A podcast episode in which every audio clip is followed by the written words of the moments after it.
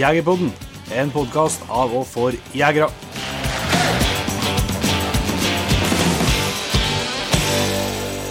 Hjertelig velkommen til en helt ny episode av Jegerpodden. Jeg heter Jon Petter Meldingen, og på andre sida her så er det Det er Jon Ingevik denne gangen òg. helt riktig. Det er jo veldig bra, det, syns jeg. Ja. Må, må stå han av. Ja, det er helt riktig. I dagens episode så har vi eh, vært til Overhalla, en kommune i eh, Namdalen i Nord-Trøndelag, og prata med en kar som heter for Jo Birger Furulund. Som ja. i tillegg til å være en særdeles ivrig jeger og ha ja, voldsomt, eh, vil jeg si, med elg på samvittigheten, eh, så har han eh, jobba i en god lår som slakter og driver viltmottak. Så her eh, blir det litt, eh, litt forskjellige tema. Det blir både litt eh, jakt og, og elgjakt, ikke minst, da, men òg en del fokus på forvaltning, og ikke minst òg eh, ja, kjøttskjæring og eh, ivaretagelse av slaktet og gode tips i, eh, på løpende vann i perioder. Ja. Det er, det er en multiepisode. Det vil jeg si.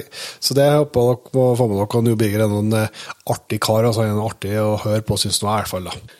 Og han er glad til å prate og glad til å fortelle historier og det som er. Så det, det brukte å ta lang tid å skulle levere elg der på høstene, husker jeg. Han eh, drev slakteriet for fullt. for den var, Det var styggelig travelt Otten, men han, han, han hadde tid til å stå og prate litt likevel. Ja, det, og det er bra. Sånn folk liker vi.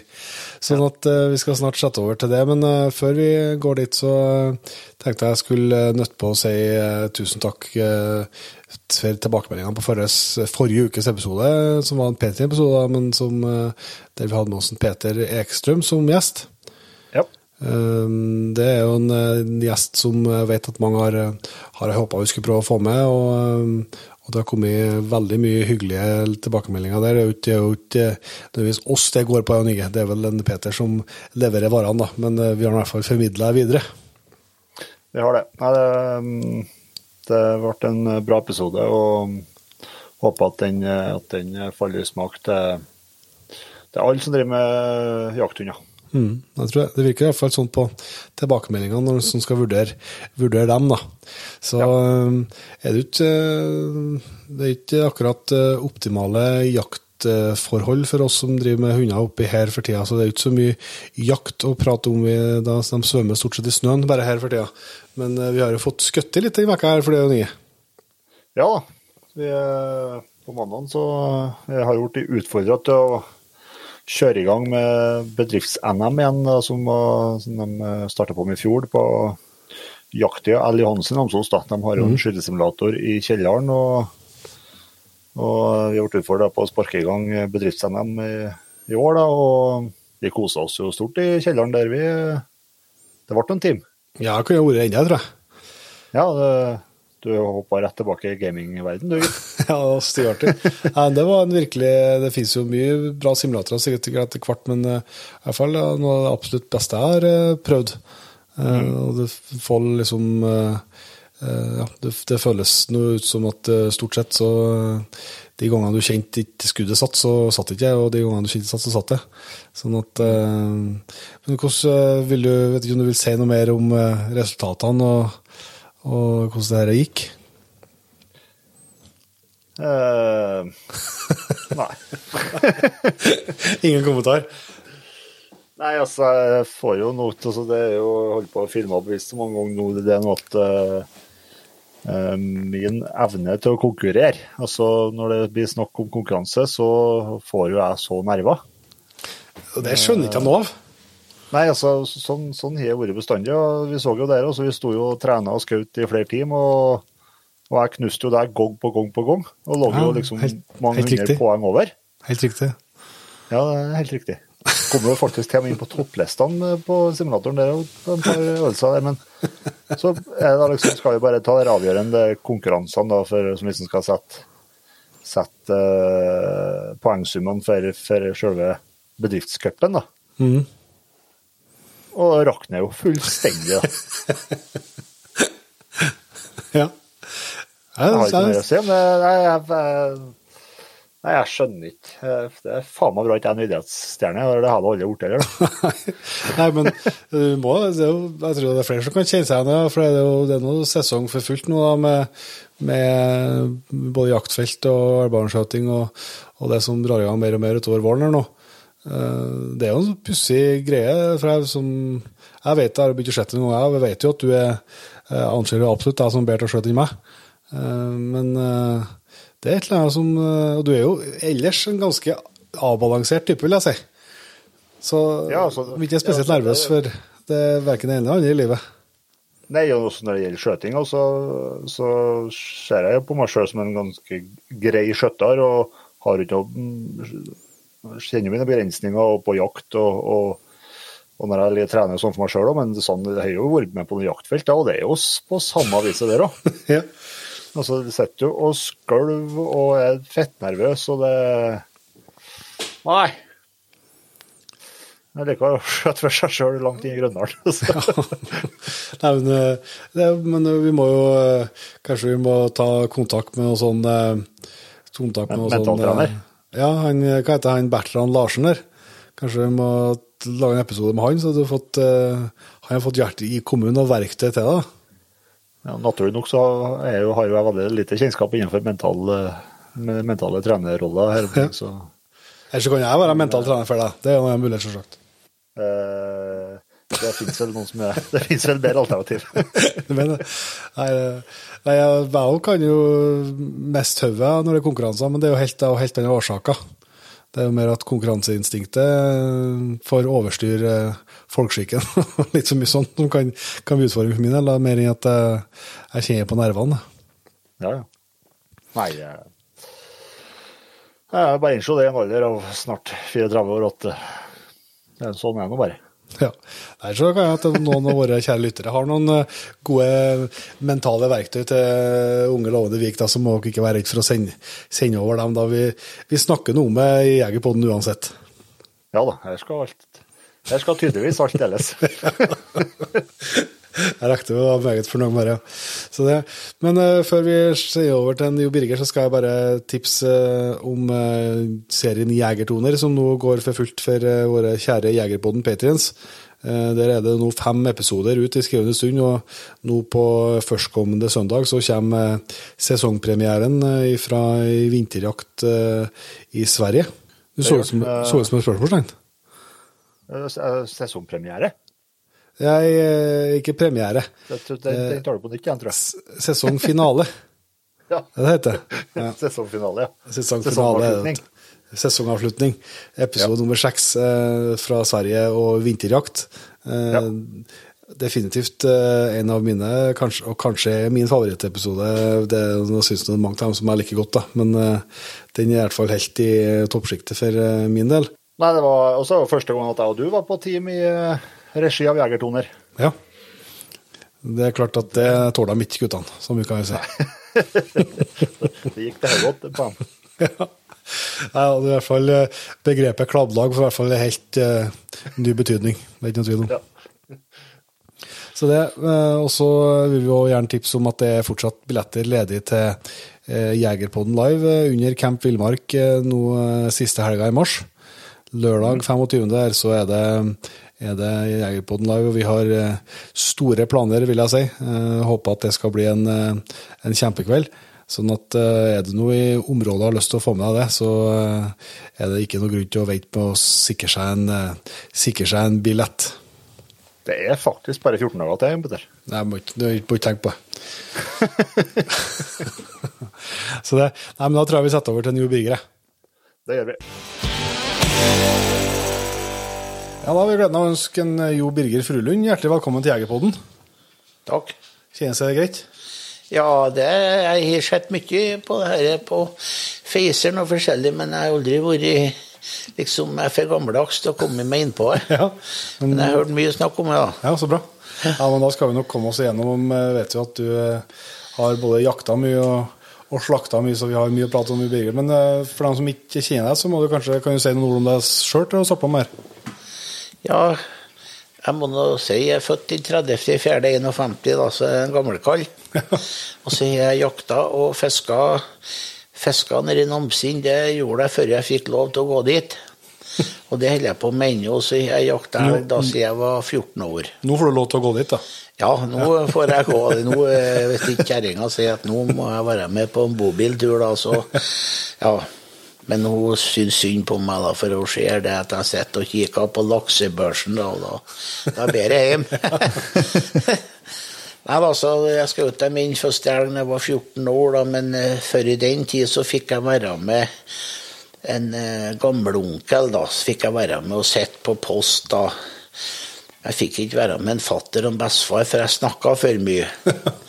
Men en, en gamleonkel da, som uh, var barnløs, da, som jeg, han syntes det var så artig å ha ungene sammen med seg, så jeg satt i lag med han, og da så han skjøt en elg. Og, og det var jeg som fortalte han at nå kommer han. Ja. Og det ble han imponert, for han hørte så dårlig. Og så da sa han det at det, da var det klart at når han slutta jakt, så skulle jeg få børsa nett inn. Og dem jeg ikke vare på. Ja. Så det syns jeg er sånn som jeg setter litt pris på. Som, som Børsa er jo sånt, det er jo ikke Men jeg, du må tenke litt på historie bak og litt forskjellig, da. Så ja. Var det som var ditt første vilt du fikk, da, eller? Nei, jeg skjøt jo Jeg fikk jo sangreffel da jeg var åtte år. Ja. Da fikk jeg sangreffel da, som jeg fikk bruke når jeg var her, og fikk jeg gå. Og så skjøt jeg jarpi, da. Ja. Og det ble noen del jarpi ja, gjennom tida også. og så da var det ikke lov til å drive toppjakt på tiur, da. Og, men en bestefar og en fatter og var noe flere da, var noe, skal ha jultiur, og da bare inne i fjellet på toppjakt. Ja. Og så fikk jeg en gang eh, attmed veien og jakt jarpi. Og så hadde de skutt i, eller skremt opp da, ryp. da, Så plutselig jeg sto der, da, så kom det tre, tre ryper og, og satte seg. og så og så skjøt jeg, og så fikk jeg ryp der, og det var Jeg kikka meg rundt da, om ikke noen som skulle se meg, da, men det var ikke noen jeg var alene, og det var litt dumt, da, for jeg var alvorlig stolt. da. Det, var, det var vilt nummer to, matnyttig vilt. da. Og så ble det mye ender, og så ble det noen harry da, og, rådyr, da, men elg ble det jo mer og mer av etter hvert, egentlig. da. Ja, men Du fortalte tidligere her også, at eh, du husker første elgen din godt òg. Ja, ekstremt godt, da, for da, da, da, var, da, fikk, fikk jeg noe Jeg hadde nå den krageren etter en gamleonkel, da, og så fikk jeg stå på en varepost som skulle styre elgen på en bestefar. Men så dere var en fjordokse, da, så han, han var vel kanskje ikke sånn eh, Lettstyrt. Nei. Så han kom, og så stoppa han og kikka på meg, og så smalt det. Og, og da drev jeg jo baneskjøting da jeg var guttunge, så det var jo treff, da. Men han forsvant jo inni i skogen, og det var nå bra. Og så kom noen fatter da og skjøt. Det var, det var godt gjort. Men så kom en bestefar, og det var ikke bra, for det var dra med seg guttungen inn, ja, da skal jeg litt taslet og en elg, da, men ja. Det var vel det var vel det, Men så dagen etterpå reiste de på jakt. Det kan vi nå snakke om i dag, da, for de reiste nå på jakt dagen etterpå, da, for da fikk ikke jeg være med. For de hadde én elg og ett rådyr. Så dagen etterpå skulle de jakte rådyr, da, men eh, eh, selvsagt så visste de hva de gjorde. De skulle ha en til, da, for fjordingen var nå for liten. altså, de har nå eh, de, Ja, altså for De brukte en matelg mange i den tida, da, for eh, det, da var det jo egentlig matelg. I dag er jo eh, elgkjøtt det flommer jo over hele Namdalen, da. Og da på Mart, og der idrettsmartnene oppe i Overhalla, da, så så eh, de leser opp det prologen liksom før i Martnan, da, så Birger Spillom het bestefaren min, da, som var Og da leste de opp der, da, og så kom de til elgjakta, da, og så sier jeg det at Ja, en Birger Spillum, han har skutt en elg. I alle fall. Og da ble det ikke mer snakk om det. Altså. Det, var, det var greit, det, egentlig. De, de visste at eh, Hvordan lå han, ja? ja, han tok en Ja, men da fikk ikke jeg være med. For var og jeg sa noe. Ja. Det viste du, gjorde jo til slutt. Ja, jeg- men nå er jeg så langt det, Han var nå han var nå født i 1902, så det jeg, bry, jeg bryter taushetsplikten. Ja. For nå er det nå blitt en artig historie av egentlig, da. Det er jo noe med foreldring, ja. Ja. Men eh, eh, hva jakter du i dag nå? Følger du fortsatt på rypejakten og fuglejakten? Nei, pga. på grunn av slakthuset, da, så har jeg blitt ødelagt alt det der, da, så nå eh, Du, du anbefaler ikke å starte opp slakthus? Nei.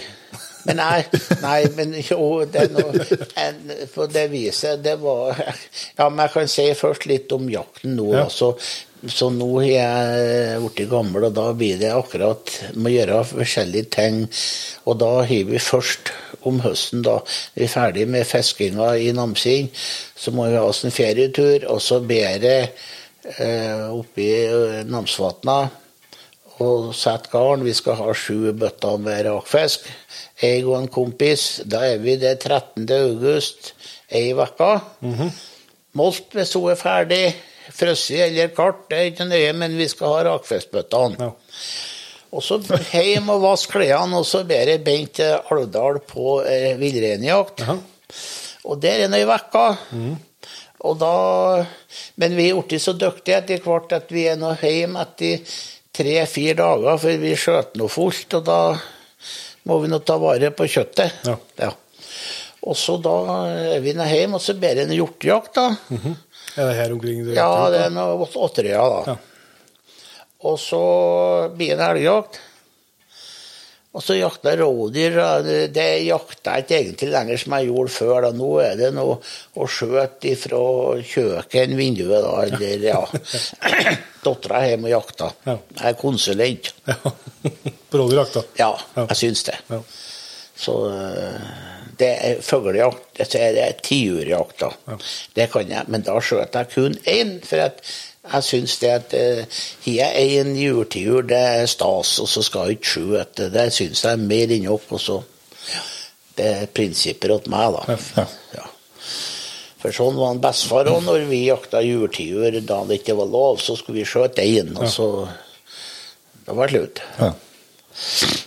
Men eh, jeg vet jo eh, at du, eh, du har jakta mye før og har skutt utrolig mye dyr. Men eh, før at vi kommer i gang der, så må vi jo få høre litt hva du, hva du jakter med. Altså Våpen og optikk, vi hørte om kragerne her, men uh, Ja. du har nå handla litt mer våpen? Ja, til hvert, men Krageren det var liksom utgangspunktet. Og så, og så da uh, Jeg hørte jo det at det var ikke så bra, da, men jeg lånte jo på skytterlaget da en Mauser, og så fikk jeg bruke den på elgjakt, da. Men den var 3006, det var tung, og det var ikke det. Men så fikk jeg noe litt bedre òg, så kjøpte jeg meg en Kongsberg banemuser banemauser sjøl, og var Da fikk jeg tilskudd av Forsvaret til å kjøpe 308. Jaha. Så da ble det billigere eh, børs, da, vet du.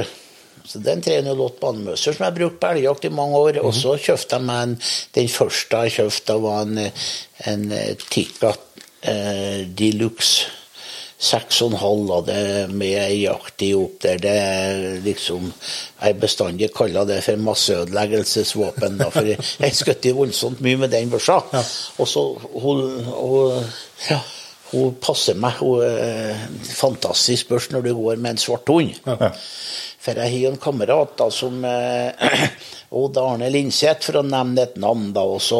Og han er mer sånn eh, brutal da, og høy Litt sånn alvor, da. Og så sier han det når, når, når jeg kom så langt ned som deg, Jo Birgersen Det er alvoret sin. Har svart hund, Lafayette og seks og en halv. Da, det, da syns han at han har kommet helt ned på, helt ned på asfalten. Ja. For han vil jo ha en Laika og en 375 og, og en Icon, da. Ja, det har jeg òg, da, men, men altså det er noe sånn, sånn sies det i jorda, da. Ja. Men Han nærmer seg, han og sjø, han var oppi hos meg og kjøpte et 857-løp eh, i fjor, i fjor høst. Se der. Ja, så han, han kommer nedover, han òg. Ja, han kommer sigende. Og så har han vel funnet ut det at eh, hvis du bruker i, i lite fint kaliber, så kan du prekkskjøte litt mer da enn å Jeg husker på noen gang når han eh, Vi kaller han han oppe, oppe i Vernbuen, og han Pål Svebakk han har bestandig litt sånn grovkaliber. da, Så sto han og skjøt standene. Men eh, 375 var før han skulle til Afrika. der, da, For hvert skott så så du buksa datt et hakk lenger ned. og så, så det var, fant ut det var ikke noe reklame for det kaliberet. for det Nei da, men det er jo 375 er et veldig fint eh, elgkaliber, for det går sakte. Ja. Veldig fint, altså. Det, det er ikke det, men jeg syns det er ikke noe behagelig å skjøte med, da. Nei. Jeg holder meg- Dess mindre rekkehjul, dess bedre er nå. Ja, og, og eh, han prosten da, som ringte til meg tidligere i dag ja. da, og skulle eh, spørre om jeg skulle skrifte, da. Det var ikke det, men han jakta sammen med oss, og da og han var i Afrika som misjonær og kjøpte seg en eh, 400 eh, Ja. Børsløpet mitt gikk jo inn i hullet der, da. Men han sa det at eh, det var, Men han gruva sånn at han skulle skjøte opp for hvert år. Ja. Ja. Så derfor så solgte han da han la ut det på nettet, og for tvert. Ja. Så det var Det var ikke noe behagelig. Nei. Nei. Hva, for de som ikke er kjent sånn, Du sa jaktdiopter. Hva, hva er en jaktdiopter? For, for, Ja, Det blir jo akkurat det samme som et skiskyttersjekt. Ja. Det jo, jeg kjøpte jo på et skiskyttersjekt bakpå. Altså, jeg, jeg har stolpe fram, og så har jeg hølkorn bak. Ja. Og det er jo et skiskyttersjekt. og Solid og greit. og om det er i du tvitrebuksa og tvitretrøya, som vi snakka om tidligere her, og, og eh, ei børs som er solid med jakt i opp der, da er du Skummel. da er, du, da er du farlig. Ja, for det er ikke noe. Det er eventyr, egentlig, hvis du prøvde godt med. Og Jeg vet nå en gang en Jarle Flått jeg jakta med i masse år. Han er død nå, da, så vi kan jo nevne navnet. En stor jeger. Og så Han har akkurat den eh, samme filosofien som meg. Men så ble han gamlere og så dårlig, og så briller, og det gikk nå ikke, vet du. Og så kjøpte han seg kikkert. Ja, og så og så gikk han egentlig om en jarle, og så gikk han til sides, for vi, vi så han at elgen måtte være en plass der.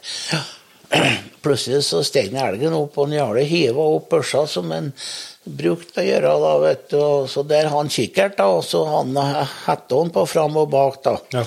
Og der eh, hørte han begynte bare på kauk, og så eh, elgrøva, og så forsvant jo det der borti haugen, og da for nå begge der hettene, da de rev den av, og da ser du, ikke sant, hvor når du er vant med en dioper, hvor snart det er det bare å hive opp. Det er ikke noe som dugger og Nei. Du må tenke på å justere sånn. Ja, Derfor så syns jeg det er elgbørsa det er det er hei mer på safari. Her jeg driver eh, slakting også på Åtterøya. Når det er hjortejakt, da, så der, der på Otterøya der det er hjortejakt, så bruker jeg lyddemperen. For du skal skjøte i morgenskinnet om natta, da vet du. Sitter du under kleshengeren og folk ute på plenen, ikke sant. Så det, det, rister i huset. Nei, det er lyddemper. Det er, mener jeg når du driver sånn ekstremjakt. Men på jaktlaget mitt så får ikke karene ha lyddemper. Der er jeg for gammeldags og sær. Vi har med ei dame, hun får ha lyddemper. Og så karene, da skal jeg smelle. Ja, for jeg har sagt det, hun har gått med hund og jaga i litt vind og vær, og så kommer du fram, og så er de skutt i elg.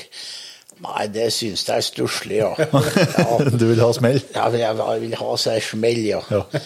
altså, nei, det det er ingen som sier noe på Nei, plutselig er han er skutt i en elg. Så sier jeg herregud, sier jeg. Ja, ja. Jeg må smelle, ja. ja. Der har jeg den saken et kort løp, og så det gyla det øret etterpå, så det ja. Nei. Men du, du har jo nevnt eh, slakteriet her. Du driver jo Langmyr slakt. Eh, Hvordan starta det her?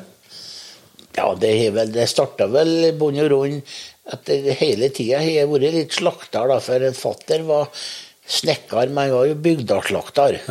Så jeg var jo med og satt på bagasjebæreren da, og, og, slak, og så var jeg slakting da, jeg arbeidet noen helve lørdagen i den tiden. Så ble det lørdag ettermiddag og kvelden, og så ble det søndagen hver slakting. For på huset her så hadde de én og to griser. Ja. Om det stuesetter, som de kaller det før, da. Men ja, så de griser på gårdene. Og, og vi for nå hjem, og like full var han om det var én eller to griser som var slakta. Så jeg var med på slaktinga, og, og ungene måtte nå, måtte nå eh, inn, da. når det skulle smelle. da, Som jeg var med og, holdt i hele rørt i blodet, var litt i karet åt deg, da, for andre han fikk nå komme fram. Da var nå grisen død. og og én plass det kommer jeg på. Jeg har sagt at kjerringa mange ganger da, det var nå flere av ungene var like gamle som meg. da, De måtte nå gjemme seg, da. Og når jeg sto og rørte grisen her, så kom det ungene ut. da Kjerringa satt på troppa og skrek.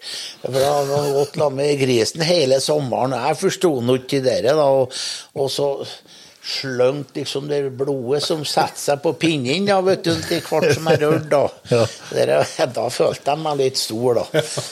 Og så da, dere ble jo, Jeg drev jo litt slakter, og så når vi var på elgjakt, så var det bestandig jeg som slakta og ordna og tok ut i, for det jeg har drevet med det og lå for meg, også som vi nevnte tidligere, at når det nærma seg elgjakt, så var det en del av forberedelser til elgjakt. og Du, du følte liksom at nå nærma jakta seg, så faen, heina, knivene og alt så er så kvast at eh, altså, I dag er det jo folk som kommer på jakt.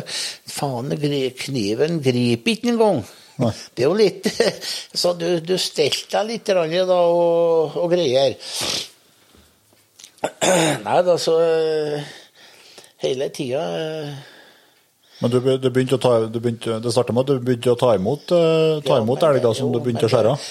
altså, når vi begynte med Så skar jeg jo sunt til mange, da. Og så begynte vi med Midtre Skage, da kan vi si i 81. Og så kjørte jo dem kjøttet til Åkervik. Ja. De var og fikk til et lår og ei si og ditt og datt. Og så ble det helg, og her var det dårlig med plass. Alt var det Det var fullt. Ja. Og ikke kunne vi levere noen plass til helg.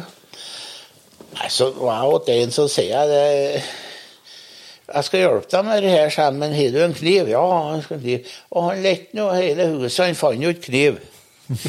Jeg så sier har du forsegkniven? Ja, det fant jeg en kniv, da, en forsegkniv. Og, så, og, og han var jo håpløs, da, vet du. Og det var rett nedpå her, det. Og så sier jeg om ikke han har heien. Jo, heien har noen, noen plass, men det fant jeg ikke. Da heiner jeg, da jeg forsegkniven på vedovnen. Og så skar jeg sunt det låret, og så ordna åten, og, og så fortalte han hva han skulle pakke, og ditt og datt. da. Og så sa jeg til Maja, når jeg kom med, at nei, faen, nå tror jeg vi Vi begynner på å skære av kjøtt. Ja.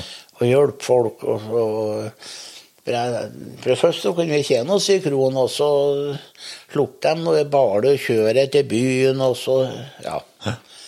Og så begynte jeg på å skære av. Men vi vakuumpakka ikke noen ting. Vi skar det i eske og leverte ut og fortalte dem og kvenna. Her er hakk, og her er sådd, og alt sånt. da. Alt var greit. Og det og det ble jo mye, og så ble det jo voldsomt mye. Og plutselig så sto jo Mattilsynet utom døra. Mm. De kom jo i forbindelse med at noen har ringt, og at nå syns de en Jo Birger kjent så mye at uh, dette gikk ikke lenger, da. Nei, Nei det er jo sånn. Avvunnet. Vi, vi, fikk vite det etterpå. Ja. Så sto jo to-tre stykker fra Mattilsynet utom, og så sier de at nå Det her er greit, alt. Egentlig imot. Ja hvis karene her skulle ha skåret hjem. Ja. Men nå er det for stort der her, så at det, her blir, det blir ikke bra. Nei. Men de, så sier de det at det er behov for et sånt eh, foredlingsanlegg i Overhalla. Så hvis jeg ville, så skulle de hjelpe meg. Det, da ble jeg litt, da ble jeg litt egentlig Fikk jeg litt respekt av det Mattilsynet. At de, ja. ja. Og så undersøkte jeg og tegna på dagen hvert. Ja. Og så ble det stoppa der nede, da. Ja. Det ble ikke lov mer. Og da ble det tungvint, for da måtte jeg ha slakta inn i garasjen. Og så bar jeg inn, og så skar jeg på kjøkkenet. Og ute i, ute i, ute i gangen her, da, ja. ha et bord, da. Dæven, jeg skar tre elger om dag og bar ifra, Jeg bar elgene ifra vedskjula og så inn, og så skar dem og ut igjen. Da er jeg faen meg klar for det. Du kan jo prøve å skære tre elger, altså. Og så, og så tungvint. Ja. Men jeg for rundt og ikke, jeg fikk ingen til å tegne, så har jeg ikke noe formening sjøl. Så da kjørte jeg til Harry Dyrstad på vilteksperten på eh, Binde også. Han var i militæret da, med han i ett år. Samme rommet. Han er både slakter og pølsemaker, og, og driver jo vilteksperten da. Han tegna opp meg og, og ordna, og jeg satte opp en sånn. Og da, da fikk vi søkt eh, om eh, tilskudd og greier, da. Utbyggingsfondet og greier. Da snakka vi om 50-70 elger i storflere. Jeg tenkte aldri i livet at det skulle bli så galt, da. For vi skar vel en 20-25 kanskje, da. Ja. ja 30 kanskje òg, da. Men 50-70, det var jo eventyr. Og da eh, ble det litt artig egentlig det òg, for at vi fikk, fikk inn alle maskinene og greier til det. Da, så har jo E-verket ordna og, og skulle legge opp ny kabel hit. da, og så var det Noen dager før vi skulle starte opp, da, så kom de fra E-verket. ifra E-verket da, og varsket at dette blir for lite, vi må ha høyspent. Ja. måtte vi vente til jakta, da, så kom vi høyspent. da. Og det får jo med hele tilskuddet jeg har fått. At, så det var jo, ble jo litt kostbart, da, men det var jo nok, egentlig. For det viste seg senere at det ble jo enda større enn vi trodde. da, For at det som var 50-70, det ble jo 1000. Ja. Ja. Ja. Så det er jo derfor så har vi jo problemer nå egentlig med at det er jo Det må, det må gang jevnt og trutt.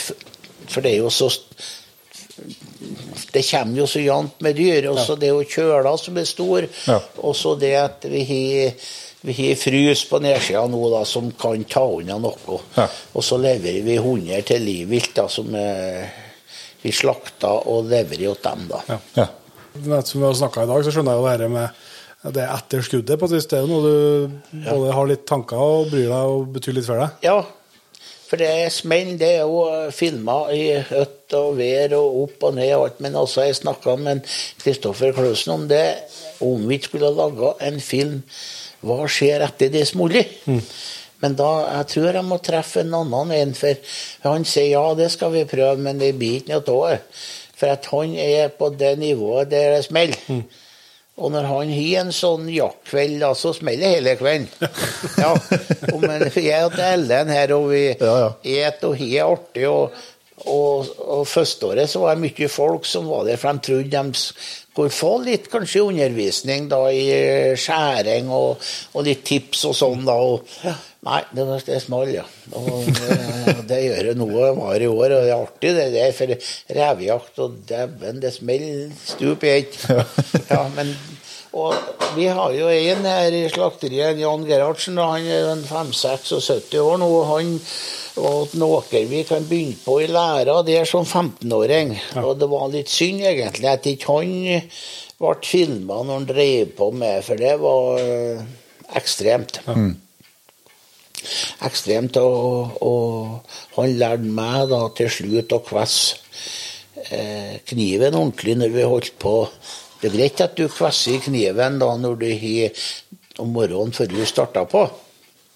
Men så da når du kommer inn på slakta, og så tar mange og begynner på å dra kniven en fem-seks ganger på stålet før du begynner på, da. Ja. Etter du kvessen. Ja. Ja, så sier Jan hva holder på med nå? Har du ikke kniven? Jo. Ja, men hvorfor fer du med stålet nå? Altså? jeg. Jeg, skjemtes nå, for jeg mente jeg kunne gjøre det. Ja, så, så, så, da skulle jeg bruke kniven da, til jeg kjente at den begynte på å bli litt sløv. Skulle jeg ta opp stålet, så skal jeg sikte så at jeg har så noenlunde rett. Drar jeg to ganger på hver side og legger fra meg stålet, da var han kvass igjen. Da var han kvass igjen. Ja. Du skal ikke stand der Sten Jan, som en TV-kokk og, og, og høvle på den kniven, for det var jo noe av showet, det. Nei, så tar du opp neste gang når den er blitt litt OK, så drar du tre ganger. Ja. Så er kniven kvass igjen. Ja. Men drar du 10-15 ganger før du begynner på, så er det runda kniven. Ja. Så en kvass i lita stund, og så kan du prøve igjen. Og så er du, du ødelagt eggen før liksom du begynner på. Ja, ja. Det er ikke så mange som tenker på det, egentlig. Nei. Men drar du den to ganger, da, når den er blitt litt løv, To-tre ganger når den er blitt sløv, og så da har du en kvass kniv hele dagen. Ja.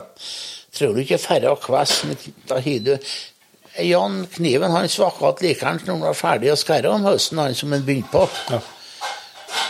For han var så nøye med rett vinkel, og så to ganger. For det står det jo i fil. Ja. Bare at hun er så fin, den filen, at du ser ikke egentlig. Nei. Det er jo fil. Er du nøye der, så eh, Har du kvass kniv? har du kvass kniv. Ja. Lang. Og da har du kvass kniv til du skal Når du har løsna et skott, da, så, eh, så vet jeg at du er litt fan av den. Ja, det er jo det er best. Det, det er liksom blitt mer og mer nøye på, da. For først så hvis du har skutt ut brystet, så er det fullt av blod. Det, det er varmt, og det trenger ikke å være der. Nei. Stekken så renner ut, og så har du skutt av ryggen, eller skutt ut nakken eller i panna. Da er det avhengig av stekk, for det er jo to bøtter med blod til en elg. Ja. Jeg ser det jo veldig mye i dag det blir skutt ut heisen, og så er det ikke stukket. Nei. Og er det stukket, så er det som regel da mellom brystet og, og bogen. Ja. Og det kom ikke noe blod, sier de, men det er jo ikke å vente, for det er jo ikke noe blod. Nei, skjære opp etter pusterøret og skjære opp hunden. spiserøret og pusterøret, så står blodspruten. Ja. For den hode, hode, du skjærer rett og slett av Ja, skjærer beint av bare du kommer deg bare i første bud, som jeg sier, ha en kvass kniv. Ja. Og det skal du nå ha i jakta, egentlig, da. Ja. For jeg har bestandig to kniver. En samekniv på ei side, så har jeg en slaktekniv på andre sida. Han er kvass, da. Ja. Skærer opp etter pusterøret, og så holder jeg til det, så skjærer jeg bent av bunnen. Da er det to pulsår, og det er dem som er viktig å skjære av. Da slipper du å skjære mellom brystet og bogen, da, vet du. ja. For da, da tar du jo da tar du oppi der du der hodeårene når. Ser sammen når de slakter, de skrer bent av heisen. Ja. De av begge.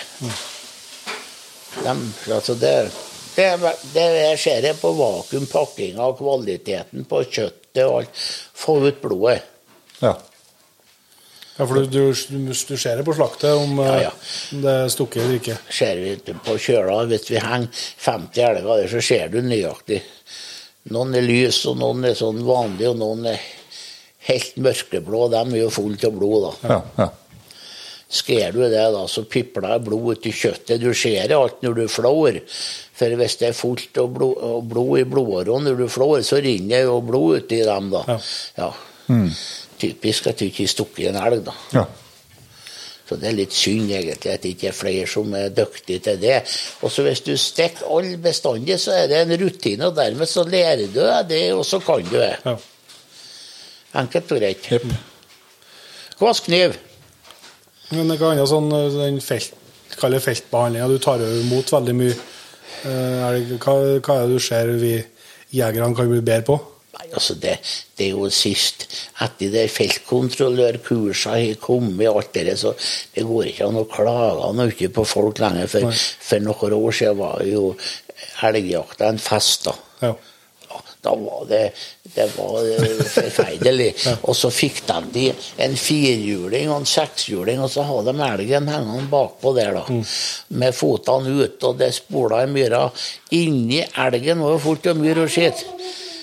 Det var jo fullt av skit og myr alle steder. Men etter de har gått til feltkontrollkurset, så er folk blitt mye mer bevisst. Det er fine dyr vi får. Noe, noe som ikke er så bra, men stort sett veldig fint. Og noen de titter ut i elgen, og før de setter den i transport, så har de stripsa igjen eh, bukhålet. da. Ja.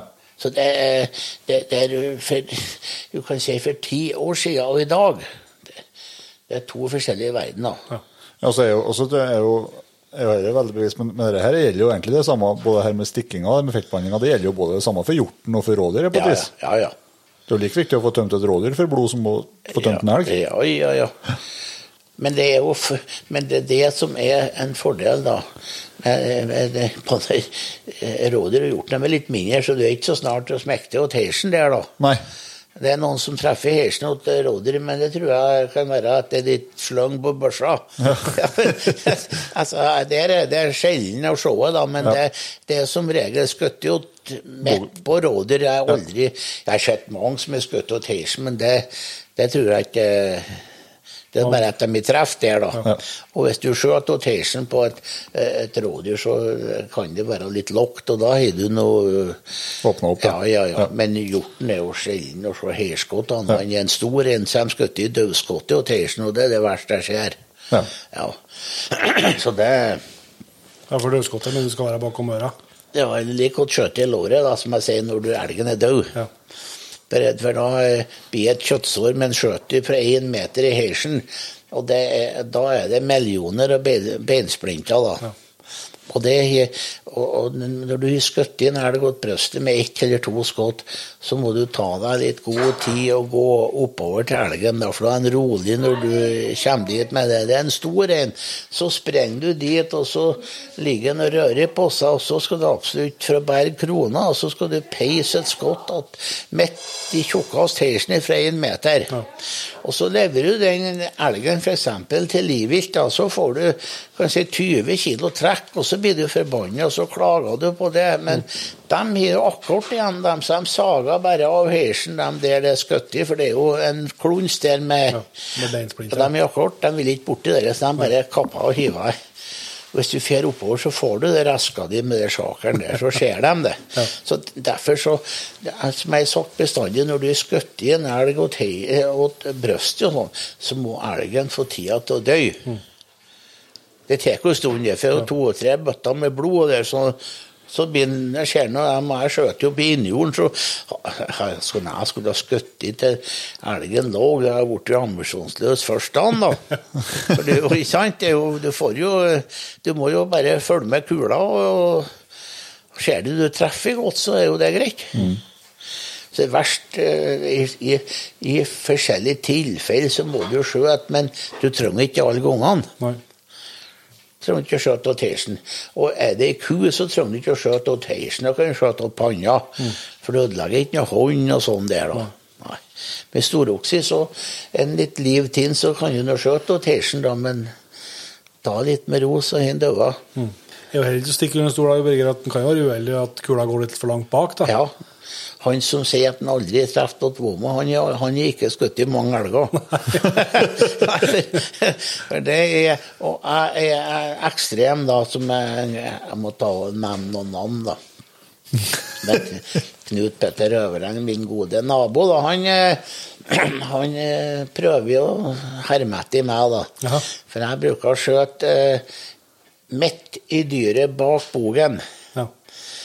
Det kaller han Knut Petter for ei sosialdemokratisk kjøttskott. Og det, og det er jeg som gjør da. Og så skjøt han en hjort, da, så, så, så eh, da må han stå jamfot. Ja. Det er klart. Og så står han ikke likt helt jamfot, da, så blir jeg gæren. Og da kan jeg en gang bare på skrå fram, men så ber jeg på skrå bak. Ja. Og da er det uheldig, og da blir jeg litt vom, og, og det er vi borti alle sammen. Og det er jo ikke noe problem, det er bare det at du må fly opp etter det, da. Ha med deg frottéhåndkle som jeg bruker, da, eller papir. Ikke bruk vann, for guds skyld, da blir det surt etter to døgn. Da kliner du igjen utover, så dette har vi vært borti alle, og dette fortsetter vi med å skjøte, så det helt greit. Men det er jo så, det er, du mener papir eller, eller håndklær Ja, å det er papir. dra ut det? ta med seg en papir, det, det veier ikke mer enn 300 gram, kanskje, å ha en papirrull nedi sekken. Nei. Da husker jeg det var, det var et torke de anbefalte. Det var Ja. litt grovt og fint. Veldig greit. Veldig greit papir. Jeg bruker det. Både når jeg lager rakfisk, bruker jeg sånt, og tørker fisken og greier. og eller som jeg bruker en frottehåndkle, for det setter seg så godt på håndkleet. du. Hvem sier det at du kan bruke myr, og den grønnmyra, den er steril. Ja, ok, men der har du botodismen. Der har du faen meg alt hvis du har sjanse til å bli dårlig, da. Der er der nede, da. Men så er det jo ikke det er jo ikke det, hvis, hvis det nå skal være uheldig at det blir et uh, vomskott, så Det trenger ikke å bli ille heller. Altså, det trenger ikke å bli vom. Altså, Kula kan gå inn, men hun kan jo stoppe inn her, og elgen kan dette opp med en, en gang òg. Ja. Og jeg sa til en jeger nedi her, og så jeg, en Svein Inge Jeg jakta litt lammer, da, og så, og så var han uheldig og, og skutt i. Ja. Og det var, eh, det var ekstremt, da. Ok. Ja, det, var, det så ikke ut før vi kjørte hit. Ja. Og så dagen etterpå så skjøt jeg inn, og attom bogen også ut i vomma. Ja. Og så bekka vi uti den. Det var hull i skinnet i vomma, men det var ikke noe vomsøl. Og så sier Svein Inge han tok det her var alvor. Han skjøt noe vomma i går, og var grønn hele helgen innvendig, og så skjøt du noe. Og sen, det var jo hull i vomma, det er ikke noe. Ja, så sa jeg at du må kunne ha skjøt noen vomma òg. Men det var jo flaks, da. Så det er akkurat hvor du treffer i hendene. og Du kan treffe så gærent som i småtarmene, og det blir jo ingenting. Nei. Treffer du i bladvomma og alt, ikke bladmagene, så det verst du gjør her, å skjøte en stor kalv om morgenen når han har stått og spist seg mett på raigress eller noe, så står han på kne, og du kan skjøte attom bogen, og så Da sprekker vomma. Da trykket. Ja. Da blir det rett, ja. Ja, jeg snakka med Mattilsynet om og de er så til om det bare Det skal ikke inn her, sier de, men, men det nytter nå ikke. Vi prøver å hjelpe folk, da. For Harry Dyrstad på vilteksperten, han nede i kjelleren, så skal han vomskutte dyr, da. Og greier. Og her, da, så for å hjelpe folk, eh, så har vi delvis må bare si rett ut, vi hjelper folk om kveldene. Vi skørrer før vi vasker. Og så er vi vaska, og da er det noe skumlagt og alt, så det er noe greit til morgenen. Og. Ja. Det er et tema som har vært aktuelt eh, vi har snakka om i dag tidligere, Birger. Og som, det, er jo her, det hender jo at, eh, at eh, ATV-en ryker, eller at elgen blir, hjorten blir liggende på sånn plass at du ikke får den igjen samme dagen. Hvordan, det, er jo ikke noe, det går jo godt an å berge slaktet for dem hvis en gjør de rette grepene, skal jeg si. Ja. I, eh, det er jo eh, blitt spesielt i førsteperioden, da, når det er varmt. Da er det kun eh, ett råd, det er å få av skinnet så fort som mulig. Henge opp i haugen. En så legger en ut med føttene ut, så det er ordentlig lufting, og spretter opp i nakken. Ja. Helt ned opp beinet. Ja, du må sprette opp i gulsona, og så sette en pinne inni der, da, så du bretter ut det, for der er det tjukkast med hår og tjukkast med kjøtt. Og når vi som begynner på å skære en elg, så da ser vi først opp med nakken, det er grønt. Og de spekulerer blir mer og mer grønnelg, så det kommer jo til at det blir varmere og varmere. Ja. Og så Før så var det jo mer og mer folk Alle som jakta før de kjørte ned med hest, så hengte de opp under gråen, og så bar de ned senere, og da var det aldri noe problem. Men i dag, når alle skal kjøre ned med jarnhest eller sekshjuling, firhjuling, og så kjører de sånn, så bjelgen ligger an, og der er jo problemet, da. At da blir liggende til dagen etter, og så skal de jakte. Før de kjører ned, og så kommer de om kvelden etter, og da er det for sent. Til og med en, en litt storvolig fjording holder på å bli grønn oppi nakken, og ytrefileten slipper i beinet, og det er trasig egentlig, da. Vi får mer og mer av det, da. Så det er et godt råd til folk. Kjører dem sunt, så flåen henger oppe. Da er de 100 sikre på at kjøttet er berga. Ja. ja, for kjøttet har jo ikke noe vondt av det. Nei, det er bare godt. Ja. Fin avkjøling, og alt blir greit. Ja. Og om det er barnål og litt tuppeling på kjøttet, det er jo normalt, det. Ja. Det er jo oppvokst med å og det det, egentlig, da. Ja. Men du skal nå ha tatt kjøttet til slutt likevel. Ja. Og ja, men du ser når jeg var guttungen, og fatter var inne i fjellet, han barnet i elgen, og jeg barna i all elgen, jeg òg, når, jeg var- når vi jakta på 70-tallet og sånt, og, og litt barn, og det var jo normalt, det var jo naturen, det. Og skinnet og partert var jo blod, og der var det lyng, og Nei, det er vær hvis det blir liggende med skinnet på er grønt. Ja. Surt. Det er sørgelig, for det er jo fine varer, egentlig. Ja. Kostbart. Men ja. hvis, du, da- hvis, du da, hvis du velger da å at, si at det er litt kjøligere, så du kan lette den, at du skal la den ligge med skinnet på, Vil du da helst at den ligger på ryggen, da, og så, så Ja, det må opp, du gjøre. ja, og så sprette opp ryggen og alt Ja, og så legger du igjen eh, sekken eller i eh, sandmåkorpen attmed søppelanlegget. Han er ikke så redd. Det her er saker og ting.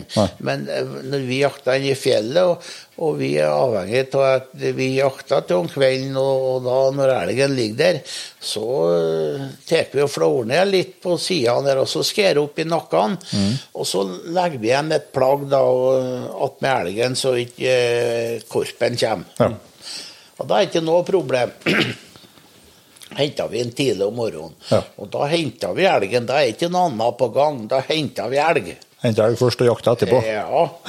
Og da er jeg ferdig med det. Og, for jeg vet ikke om jeg har vært med egentlig og, for å si rett ut. Vi var vært og tok oss en dram, og så sovna vi til om morgenen og skulle vei og hente elgen. Har jo Korpen gjeter jo sett i, så det, han har jo hatt det godt, da. Ja. Ja, så det er noe, det òg. Men legger du igjen noe? Aldri noe problem. Nei. Nei, vi har jo satt, bare her, eller satt opp noe, hvis du har noen taugstumper litt kors og Ja. tvers over, Ja, så ja, det- kjenner han litt nedåt. Nei, det er bare at du Han er jo skjær egentlig, Korpen, så det skal ikke så mye til. Nei. Mørningsprosessen er jo et annet tema når du snakker om det som skjer etter skuddet. Hva er dine tips der eh, til at det skal bli vellykket? Jo, som har du vakuummaskin og tida, så skal du egentlig skære den som jeg mener etter ett døgn. Ja, elgen er dødsstiv og rein og fin. Skærer du den etter ett døgn, og så får du det fineste hakket, finest farsen, finest kokkjøttet. Og så kan du biffen og steiken og grytekjøttet, det er vakuumpakka du og ligger i 41,7 grader døgn, da heter det i skriften. Men la det ligge kjøleskapet eller i kjelleren eller litt sånn passelig temperatur i 41,7 grader døgn, 50 grader døgn. Helt greit. Da er det mørkt og rent og fint. Og Da kan du bare fryse den eh, samme vakuumpakka. Du Da kan du fryse biffen, steiken og grytekjøttet og kokekjøttet. Alt kjøttet skal ha til koking, og som jeg sier, spedrips, sodd, Ja. saltkjøtt. Det kan du bare fryse med samme du kvenner. Og da er det så rent og fint. Sion og alt i hop som er nesten ikke brukbar når de hanger for lenge, da, det er tørka. Etter ett døgn så er det jo topp vare. Ja. Kjempefint. Ja, for du lager spareribs til sidene. Ja.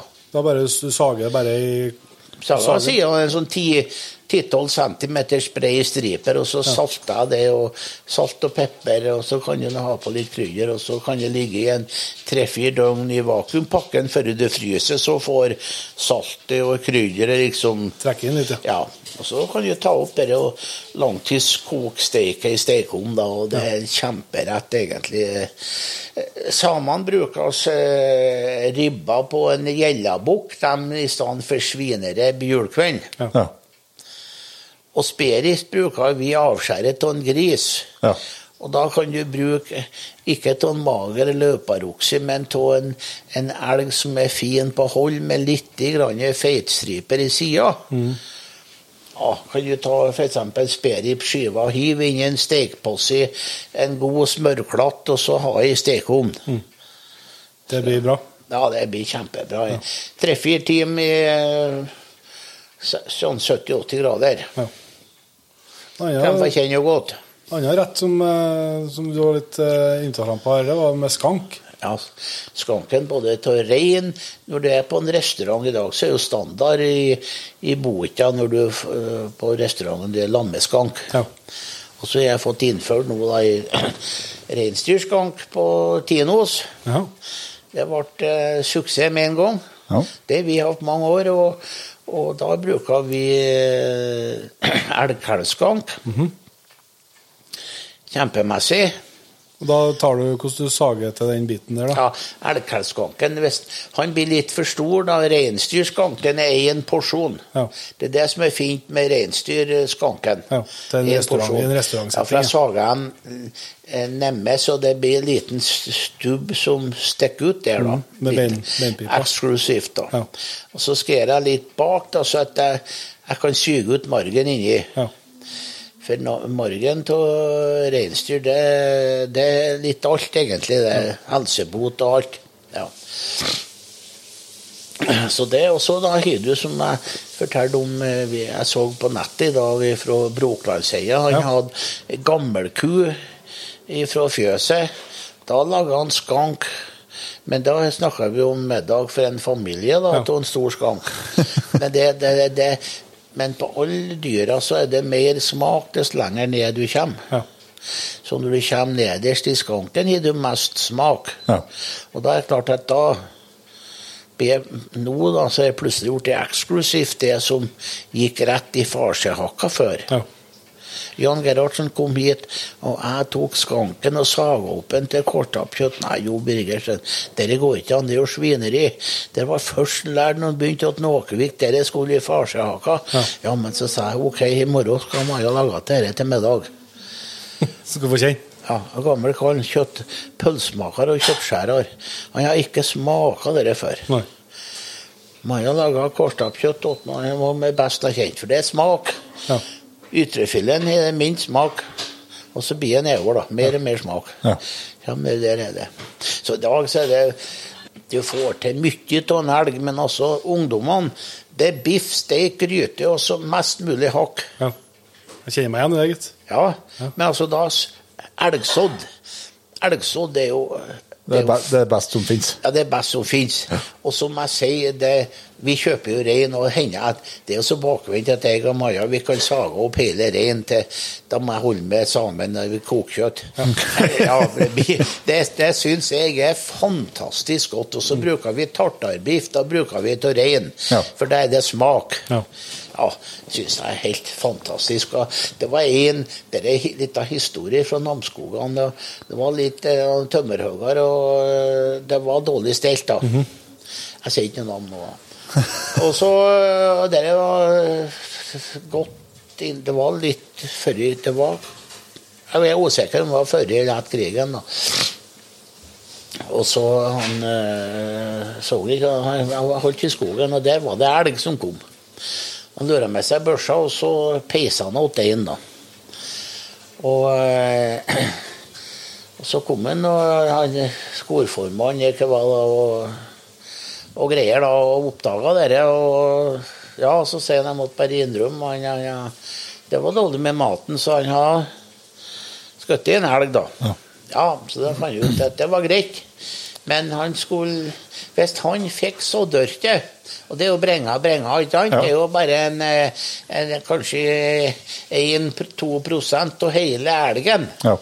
Men han som har sett det der, så han sa det han Hvis han fikk så dørke, så skulle han holde kjeften sin. Ja. Og da du skjønner, da er det litt verdifull. Ja. Der har du jo snakket mye biff og, og steik og greier, Ja, ja, ja. men det var ikke nøye. Det var så dørke. Ja. Og jeg syns det skjer når vi skjer for kunder her, og det er alle det her eh, som fer heisen der. eh, Og brennkålsodd med løksaus, det er jo fantastisk eh, fin mat. da. Det er fin mat, ja. Ja. Det holder jeg meg til. Bruker jeg mye til heisen, da. Ja. I lamme Ja. kjøttfyldig heis. Da har du kjøtt i lamme, sådde. Og, og så når du koker kjøtt i dag, så koker du kjøtt med bein. så Det er for rent for lite til i dag for at du, du får den krafta og den smaken av beina. Da blir det eksklusivt det som var hverdagskost når vi vokste opp. da. Ja. Ja, så er det et eh, triks å koke heller lenger på lager varme enn Ja. enn å være stressa. Ja, det, det er bestandig dess legere temperatur. Ja. Lengre tid. Det er, om ei ku er styggammel, så er ikke nøye, det er bare du ikke. Fosskoker, Fosskoka, da får du gummiballer og lav temperatur i lengre tid. Da blir det mørkt. Ja. Men skal nå helst ikke skjøtte kyrne, da. Nei, det Åt meg, da, så føler jeg det, det byr meg imot når jeg skutter i ku. Ja. Og den eh, det, det var også Og så blir jeg sånn forskjellige ganger så blir jeg helt bakvendt. og med de forskjellige morgenene når jeg kjører her for å se etter elg. da. Så jeg bestemte meg i dag skal jeg skjøte elg. Og så en dag etterpå i dag skal jeg skjøte mange, for nå jeg, kjenner jeg det på kroppen. I dag er jeg typen.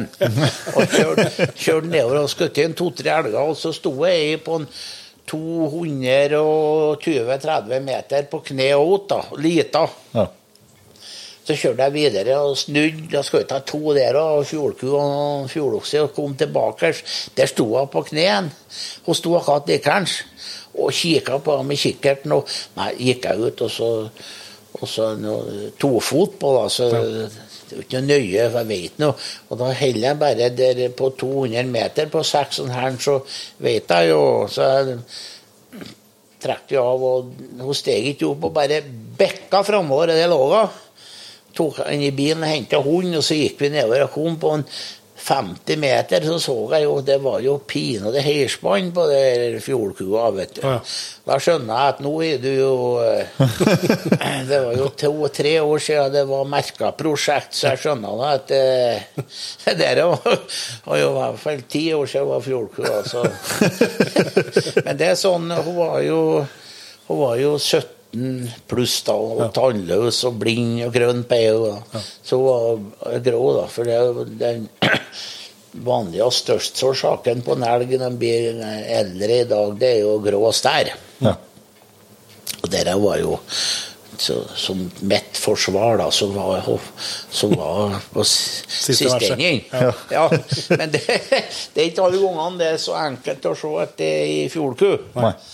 Men hun var, jeg tror hun var stor egentlig i kroppen, da, men det var jo ikke noe kjøtt igjen på henne. Det var dårlig. En så bød meg imot og skjøt uh, ku, og der jeg jakta inn i fjellet. Og så vi jakta der i tolv år, tror jeg, nå vi freda kua. Ikke, ikke datt i ku. Nei. Og så sier jeg det at dem på jakt er dere gode å skjøte ku, så får dere ta sjøl. Ja. Hvis dere syns hun er så god. Ja. Ja. Da skjøt vel en kalv i stand. Ja. Hvis vi tar litt mer om elgjakta altså, Du har jo eh, Det er jo eh, nesten elgsafari rundt her, kan være på, på rett tid. Det er mye elg frampå, og det er mye elg i, i nærområder. Ja, det er mye, og det er mange. mange og han, eh, det er jo voldsomt mange som fer og kjører da, og, og kikker på elg, og de begynner på tidlig. Og så er ikke alle som tenker på datoen, da. Så det er en da som eh, han er gått bort, han er noe som sykla mye her, da. Og, og så kom han nå, og så så vidt begynte fiskinga i juni. da, Så sier han du Jo Birger, alvor hvor små kalvene er i år. Ja, men så sier jeg det da, vi har akkurat kommet til det var 1. juni. Ja, men det har jeg ikke kommet på. Nei, det, så det er mye, mye artige historier. Men her er det vært mye safari her. Og, og Kjartan Trana han eh, gikk bort. han eh, Litt synd, da, for var, han ringte når jeg hadde sett noe spesielt. Og, så, men han har med seg folk hit for å se, og, veldig god fotograf. Han, altså, han var jo, og han traff deg, for han var sånn Han, han visste på den og den økra, og så kunne han se storokser, og, og så kunne han se en 30-50 elger og sånn. da, og jeg vet jeg og Maja vi for en morgen og så vi 76 elger, tror jeg. Da har jeg skutt i tre, og da for vi hjem. Da har vi faret Da har vi faret Vi har ikke faret over det igjen. Nei. Bare, bare. Nei, men da var det jeg det var, en Bjørkli var eh, læreren min, og så, og så tok jeg lærdom av det. og så, Jeg har skutt så mye storokser, og så syntes jeg det var så, det var så artig å, å ha det her stammen her, da. Ja. Så er det mye hunder som jeg kunne hatt der. Men jeg har- nede i kjelleren som er 298,5. Nesten gullkron, da. Det var den jeg skjøt med Pierre Joma da, da jeg ikke skjøt storing, som jeg angra på. ja, stemmer. Så nå syns jeg det er artig å, å, å forvalte elgen, egentlig. Ja. og så og se hvor storoksene Hvor han en storokse på et område hvor han samler elg. Ja. Skjøter du han, så kommer de hit. Hvis naboen ikke skjøter storoksen, så kommer de ikke hit. Da får de nå ha elgen sin. Men nå, det er liksom det er så enkelt. Ja. Men det er litt tungt det året før du har kommet så langt at har du kommet tre-fire år på tur med dette prosjektet, så kan du ta ut en storokse hvert år, da. Ja. Men du må få komme dit først. Og komme på rett tur, ja. Så slipper du å skjøte det her sjuspiringene, tispiringene hvert år. Hvis du lar én vokse opp to neste år, tre neste år. Da kommer det opp i femåring, og da kan du begynne på å skjøte noen storokser. da. Ja. Enkelt og greit. Ja. Skjøt fjordinga og kalv, og så plutselig, der står den. Hva, men det tok litt tid før, eh, når vi her, før du kunne begynne å jakte på hele området. Ja, ja. Her var det lenge Eh, jaktstopp her. Det var jo eh, det var jo ekstremt. Jeg var jo ivrig elgjeger og jakta opp i li. Jeg jakta Namsskogan. Jeg for alle steder og jakta siste dag til det ble kveld og mørkt. Det var jo tullete, vet du. Og så her fikk vi ikke jakt. Da så var det Jeg kom hjem, så jeg kunne være på ett valg, ikke fantes elg. Og så kom jeg hjem, så sto jeg en gang kom jeg hjem, så sto jeg 14 elger nede huset her. Og så fikk jeg ikke jakt. På av det at eh, i seks- 1946 og det var en mann som ble skutt her, da, for han var uheldig. Han skulle ut og flytte hesten, og så var det en som trodde det var en elg. da. Det var ettersøk etter en elg, da. Ja. Og så datt nå gubben, da. Og da ble det hysterisk. når de, Jakt rådyr var ikke noe problem Nei. Med mauseren. For der var ikke noe galt oppi huet at folk. Og fugl og harry. Men når du skulle jakte elg, da ble det farlig. Ja. Det var jo Det er jo så rart. Men jeg bala jo begynte på i Jeg begynte jo på kanskje i eh, 80, da, og begynte på Høyre og søk og greier. Kanskje i 79 òg, men en og i 1981. Da fikk jeg til det da med en herreskogmesteren eh, sekretæren i viltnemnda, Arnold Bjørkli, og så var jeg lensmann. Ja. For noen som kontakta han det at nå, eh, nå starta kanskje elgjakta på, på Skage, så nå må vi eh, Ja, følge med. nå må vi følge med. Ja, nå er alvor. Ja, men det, det, det, det, er jo, det er jo ganske unikt, unikt det området her til at det er i for det er jo peiseflatt. Ja. Og, og så mye elg. Og så sitter du i skogen og posterer på et rev, så skjøter du ut imot mot eh, hus og fjøs og Ja. Litt av det der hender òg, da. Bare at det var opphissa stemning, for det var jo du kan si Børsene har vært gjemt under krigen, og, Ja. og folk var jo hoga på skjøt. De har jo ikke noe gevær. Så var jeg skodd om morgenen og jaktfeber til 1000. Og da henda det, så det var eh, i ekstrem uhell som kunne hende kanskje i dag. Jeg nei, det tror jeg ikke, men, men altså For da var det en elg. Det var en elg da, det er ikke i dag. En elg er noe du må se hva det er for noe hos elg før du skjøter det. Så det har vi ikke ennå, da. Men, jeg men som sagt, da, så vi arbeidet med det der da i, to år, tror jeg. var, ja. Så da kom vi til det at jeg skulle få, få lønn for å skjøte elgen. Og så skulle jeg ikke drive oss jakt. Han skulle skjøtes på innmark med skogen i bakgrunnen. Ja. Sånn var det. Ja. Og så da var det dem da som ikke ville være med, men når de fikk høre det at eh, arealet ble tært og, og, og de ikke fikk noe utbytte, da ble det litt eh, for drøyt. Så det ble de med dem egentlig òg, da. Ja. På, eh, jeg lova at jeg skulle ikke skjøte elg åt dem, og så, men etter hvert så gjorde jeg det, og så ble det alt greit, da. Ja. Ja. Og da ble det plutselig Så da var det 81, så fikk vi tildelt én elg, da. Og, og så fikk vi jo tildelt noen flere da av det var skadeelg, allmast da. Og så fikk vi sju år etter, ett. Og, og nå vet ikke jeg hvor mange år vi har hatt 30 elger, men det er mange år. Og det er på, det er på et areal på Ja, 14 000-15 000 mål, da. 14 800. Ja. ja. Så dere, det er 500 mål på elgen, da? ja, knapt det. også. Ja. Det er voldsomt, det. Ja, det er voldsomt, men, det, men det, er ikke noe, det er ikke noe farlig når du har en sånn sunn Hvis du har det på en plass der det, der det ikke stemmer overens egentlig med eh, elg, kalv, fjording, okser, kyr blir det, Men når du har her Vi har store okser. Du ser vi tyngst vekta i kommunen på kalver. Vi tyngst vekta på hele fjøla Ja. På stånd stor kjetthet. Ja. Det er litt spesielt. Så det De sier han har ikke spist opp maten her. For først sier vi Namsing, Namslandet, med riskvester. Ja. Og så gir vi vedhugsen på hver eiendom, kanaler, stomrekker. og vi mat plenty. Og nå har vi fått ekstra tilskudd i rundballer. Ja. Vi er store elver. Vi er størst Mm. Som jeg sa tidligere, vi, vi skal ut ti kalver. Og den var 73 kilo. 92 størsten. Alt er tvillinger. Er ingen som kan Nei. Dere skjøt kun tvillingkalver? Ja. Jeg gjør, det- det, jeg gjør det på noen som sier at du skal skjøte Har det ei lita ku med en kalv, skjøt kalven, for da, eh, da kommer hun seg, og så blir jeg i bedre form til neste år. Jeg vet ikke, altså. Det bryr ikke jeg meg om. For eh, da blir jeg helt sikkert skutt opp naboen som fjordku. Ja. Ja, men jeg må jo Jeg sier jo det om de hører på det her nå, altså, for de må lære, da. ikke sant? Ja, Og så derfor så skjøt jeg ikke, da. Nei. Men da, altså på 30 elger så skjøt dere, skjøt dere ti Nei, når jeg sier det om morgenen jeg skal på jakt, da Ja. Egon Kristian Espenes han, Ja. han jakta en annen plass, så jeg har skutt nesten alle elgene. Men nå er jeg skutt så mye elg at nå syns jeg det er artig at nå må pinadø sjøl. Ja. Og, så, og så sier jeg det at eh, nå skjøt vi ti kalver. Det venter vi med til vi har plass nede i slakthuset. For det er, hvis ikke vi da er det mange som sliter, ja. ja. Så skjøt vi ti fjordkyr, ti fjordokser.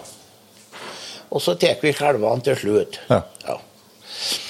Så det, sånn er det. Og så skjøt vi feil, da. Ja. Skjøt, eh, jeg, jeg, var en, jeg på jeg eh, Kristian som skjøt ei ku på to og halvt år. Hun var 152, og så andre Det var kanskje minst fjordkua. Ja. Ja, således. Så, ja.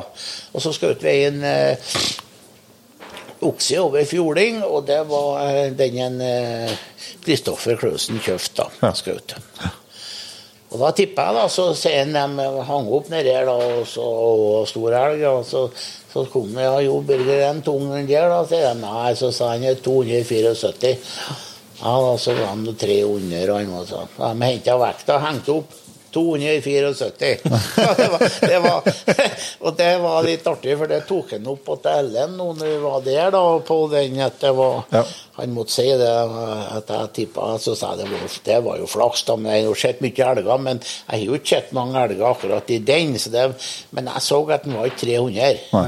For da ser jeg at da eh, henger fotene nesten nedi gulvet, og så har jeg litt sånn maler, da. Ja. Men jeg så det var ikke langt unna. Og så, satt, så fant jeg ut at jeg sier 74 bare for å si et tall, da. Ja. Og det stemte. Ja. Nå det, Da har du, da har du skutt noen år til 300 sjøl, du? ja. Ja. Men, men altså, det er jo en stor elg. ja det, Ja, for jeg, han har på veggen den, og det var 316, og det var en kjempeelg, for det var en, den skjøt jeg inne i fjellet, og da var han uh, løparokse, da, så han var ikke feit. Nei. Så det har vært en stor elg.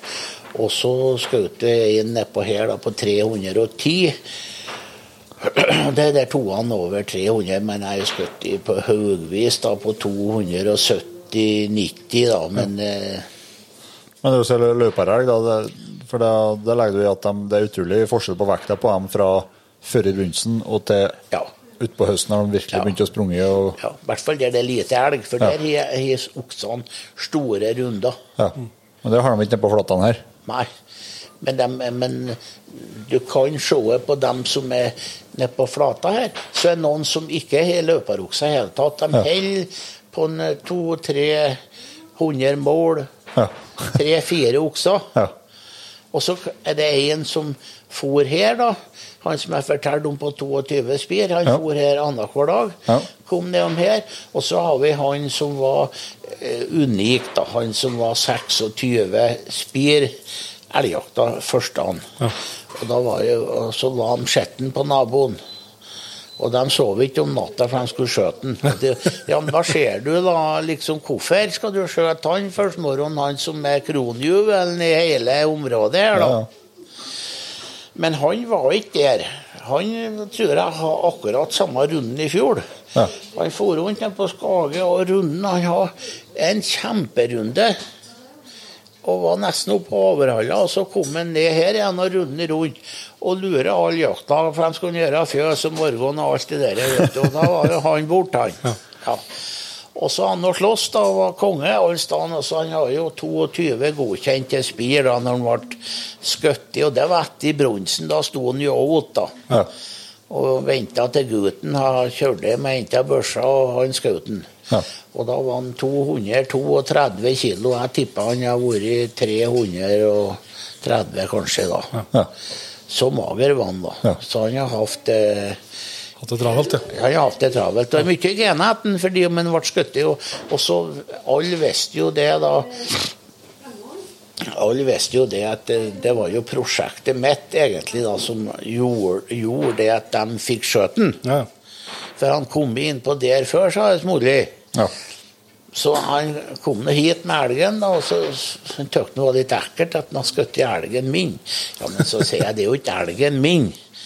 Det er jo bare en, eh, Vi har jo freda dem, bare for at grunneierne her de er jo ikke, Alle vil jo ikke ha de gamle kyrne og gamleoksene, de vil ha fjordinger og kalver til mat. Ja. Og så syns jeg det er blitt en Det er blitt liksom en tradisjon, en attraksjon, at folk skal kjøre her og se på storokser. Ja. Og så samla han all elgen som skulle vært hos dem, de samla seg her. ja. Og da fikk nå de skjøt han der, og der tror jeg er Overhallas største gevir. da, 311 poeng. Og det, jeg vet ikke om noen i Overhalla som har hånd over 300. Nei. Så jeg er 298,5, og det tror jeg er nest største. Hvis det ikke er noen som er skutt i statens skoger og sånt, da, som ikke har blitt Rekna inn, liksom. her, da. Så, Men eh, nå i senere åra så er det jo mange her egentlig som er nærmer seg gull, og hans Kristoffer Klausen, men hva var han 290 det òg, kanskje? da? Så det er ett år til, så han, han passerte 300 òg. Ja. Og så går det tre her nå, da. Så går det tre sånn 22, 22 og en på 18, tror jeg, da. Så det blir nå til års òg. Ja. Ja, så kanskje det kommer opp en, da. Det er En av dem går nå at de fjøser og spiser rundballer nå, da, så han, er på tur. han er stor. Ja. Ja, for du ser at den, eh, når den blir mye større enn en kalku, da er det stor elg. Ja. Men det er jo, vi snakker jo med mye folk rundt omkring om, om elg. eh, Det virker jo som at det går nedover mange, nedover mange plass. da. Hva, tror, hva er vi gjør feil? Nei, gjør feil. Det er jo at det er for mange i, i området som er for heit. Ja, de, ikke, de er for heit og litt smågrådige. De, de kan ikke gå ned. Og i høst da, så ble jeg litt eh, Jeg syns det er litt artig, og egentlig i det slakthuset så spurte jeg hva jeg går med elgjakten. Jeg syns det er greit for oss i slakthuset, det blir jo ikke sånn det blir jo ikke sånn, Hvis alle har skutt i fullt første vekka, da har ikke vi hatt sjans, vet du. det? Nei, vi har ikke sjans. Det har vi ikke nå heller. Vi må si nei, for vi har jo kunder fra Bindal, Nærøy, Vekna, Namsskogan, helt oppi Fra fanken meg kom i folk fra Susendalen, ikke sant? Det blir ikke sjans, vet du. Men så nå når alle plages litt Men så før var det noen jaktlag som plagdes da måtte vente til eh, vind skifta, så kom han. Ja. Men i høst da, så spurte jeg hva går med elgjakten. Nei, han har ikke kommet ennå. Men når alle jaktlagene sier det, de venter på at elgen skal komme, det er da jeg spekulerer. Hvor tenkte tenker hvor den da? Ja. Hvor den skal komme fra? Ja, hvem kommer ifra nå, da? Kommer han med storken, eller? Ja, for altså, det jo, ja, men det er jo så Og det har jeg sagt i fjor òg, at nå går det galt. Nei, det er plenty elg. Men det er ikke det. Så det er Midtre Skage det er en kjerne av kjerneområdet, det. Så vi kan skjøte. Men naboene, det tror jeg nå må vi ned i hvert fall 50% et år for å se.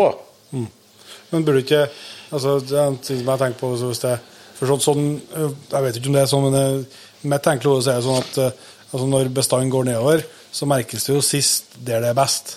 På det, Ja. der, der er du sier, kjernen av kjerneområdet. Ja. Men øh, vil ikke si at på et tidspunkt så må du jo her og spare mer elger, så at det er mer elger som produseres her, som må fly- flytte seg utover igjen? Ja.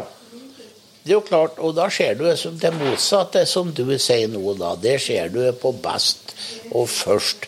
Det er det dårlige asvaller, fjellvaller, dårlig med skog, dårlig bonitet. Der fer elgen først. Der. Og så blir det litt lite elg, og mer så, meg så blir de lei, og så peiser de mot ei ku, da, så er de ferdig med det. Da har i hvert fall gjort det godt, da. Og da ser du da på det dårligste valget vi har i ytterpunktene, da, som vi er inne i flisingene. Vi har ikke sett elg i sjølve flis inni fjellet i år, da. Nei. Nei. Og så har du fjellvallet opp mot Øysletta, mangler mye dyr. Vernbuen her og flere sånt som har innjordselg, og så har de fjellvall. De sliter med en gang. For de får ikke å skjøte alle elgene på innjorden med fjøset. Nei. Nei.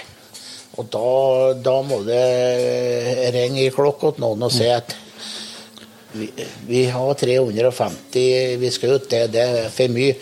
250 pluss har vært litt sånn passelig.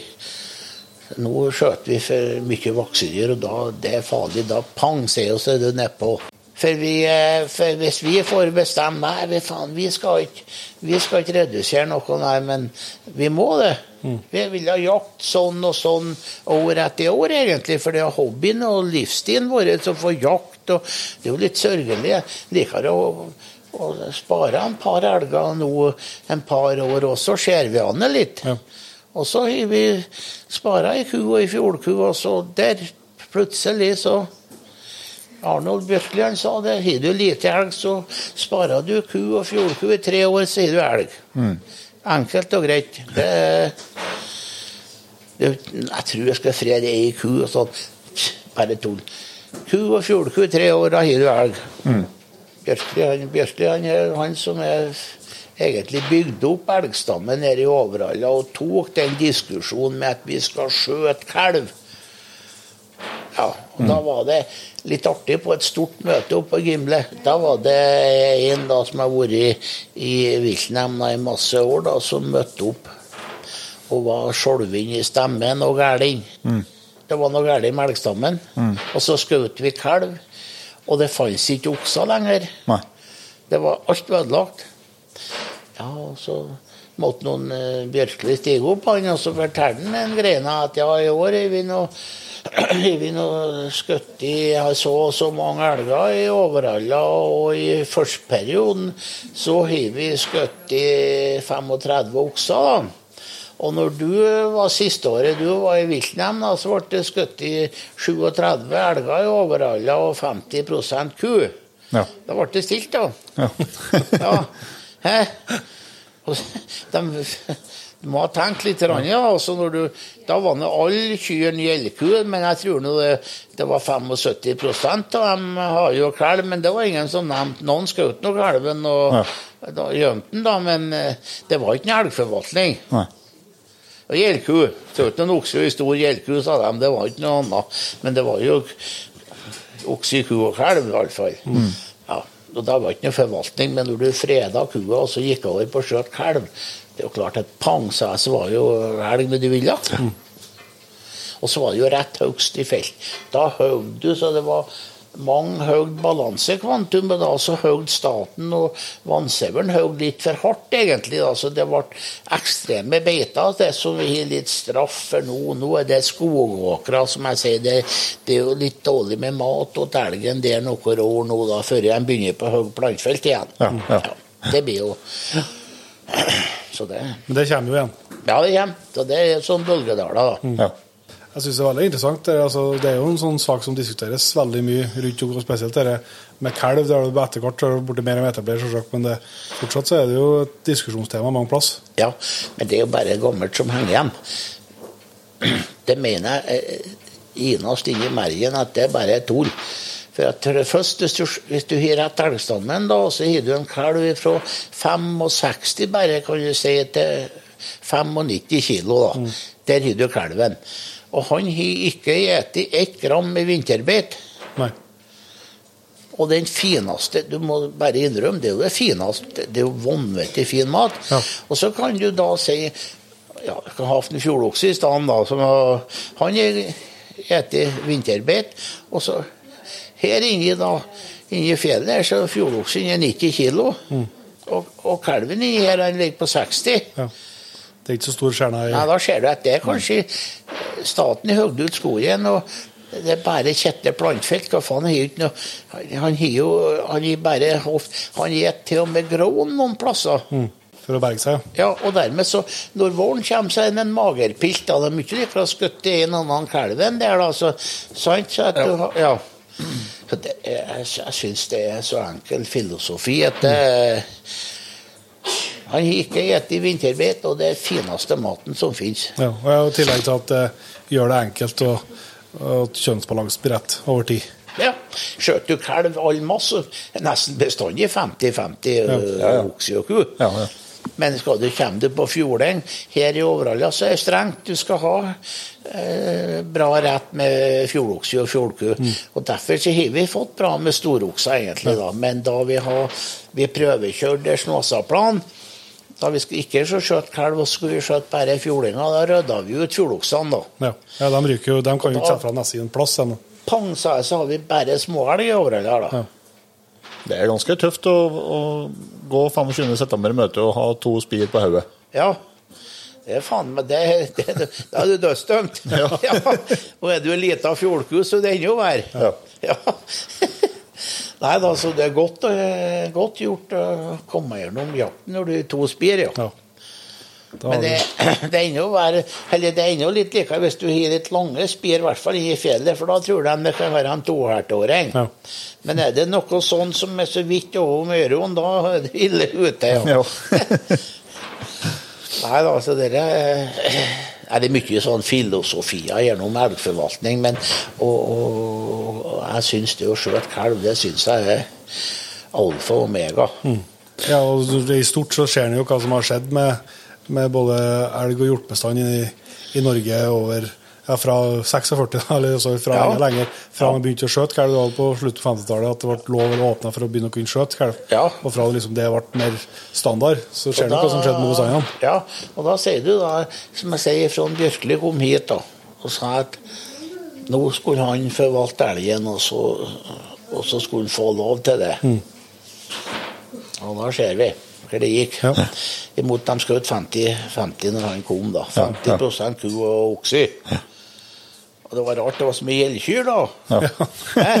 Det, det, var, det kom ei okse og ku, som mente at da måtte det være kalvku. Ja, skulle jo være innimellom, i hvert fall. Ja, Skulle vi, det I ettertid, da, når jeg satt og snakka med gamlekarene og greier, så, og så måtte de bort i hodet for kalven som for og skrek. Men de, de, de skulle, var ikke Det var nå ikke eh, gjeldku, det var nå kalvku, selvsagt. Men- For da var det i forskninga så var det jo straffbart å skjøte kalv. Ja, ja. Så da ble det oppheva. Da var den Bjørkli sa at nå skal vi skjøte kalv. Og så skjøt vi kalv i noen år, da, og motstanden ble så stor da. Så skulle vi gå over til der berømte Snåsaplan, da, som eh, de sa da. Og så gjorde vi det og rydda ut oksene. Og da fikk vi en mini-elg her i Overhalla, da.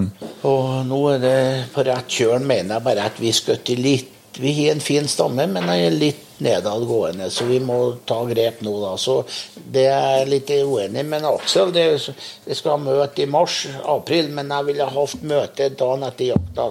Om folk kommer på hvordan det er. 15.-20. januar ennå, men det er litt sånn Ja, det tar mye bedre å, å diskutere elgjakt med samme du har lagt ifra deg børsa imot, i, i, mot du skal ta fisk. Hva faen Det må Det er liksom det vi har noen store områder da, som på, innen et område, og så kan det være et lite område som er bra, og et som er dårlig. Men altså, da må du tildele etter det, og så noen må gagne 50 og noen lite grann, og så si at nå freder vi kua i hvert fall. Ja. Så er vi på nett. Ja. Så, så vi skjøt produksjons... Vi må ikke skjøte maskiner som lager det. Nei, Da har vi ikke noe å selge. det er noe med det. Og det er litt gjengs i Namsos, som jeg sier. Og Høylandet akkurat på kanten.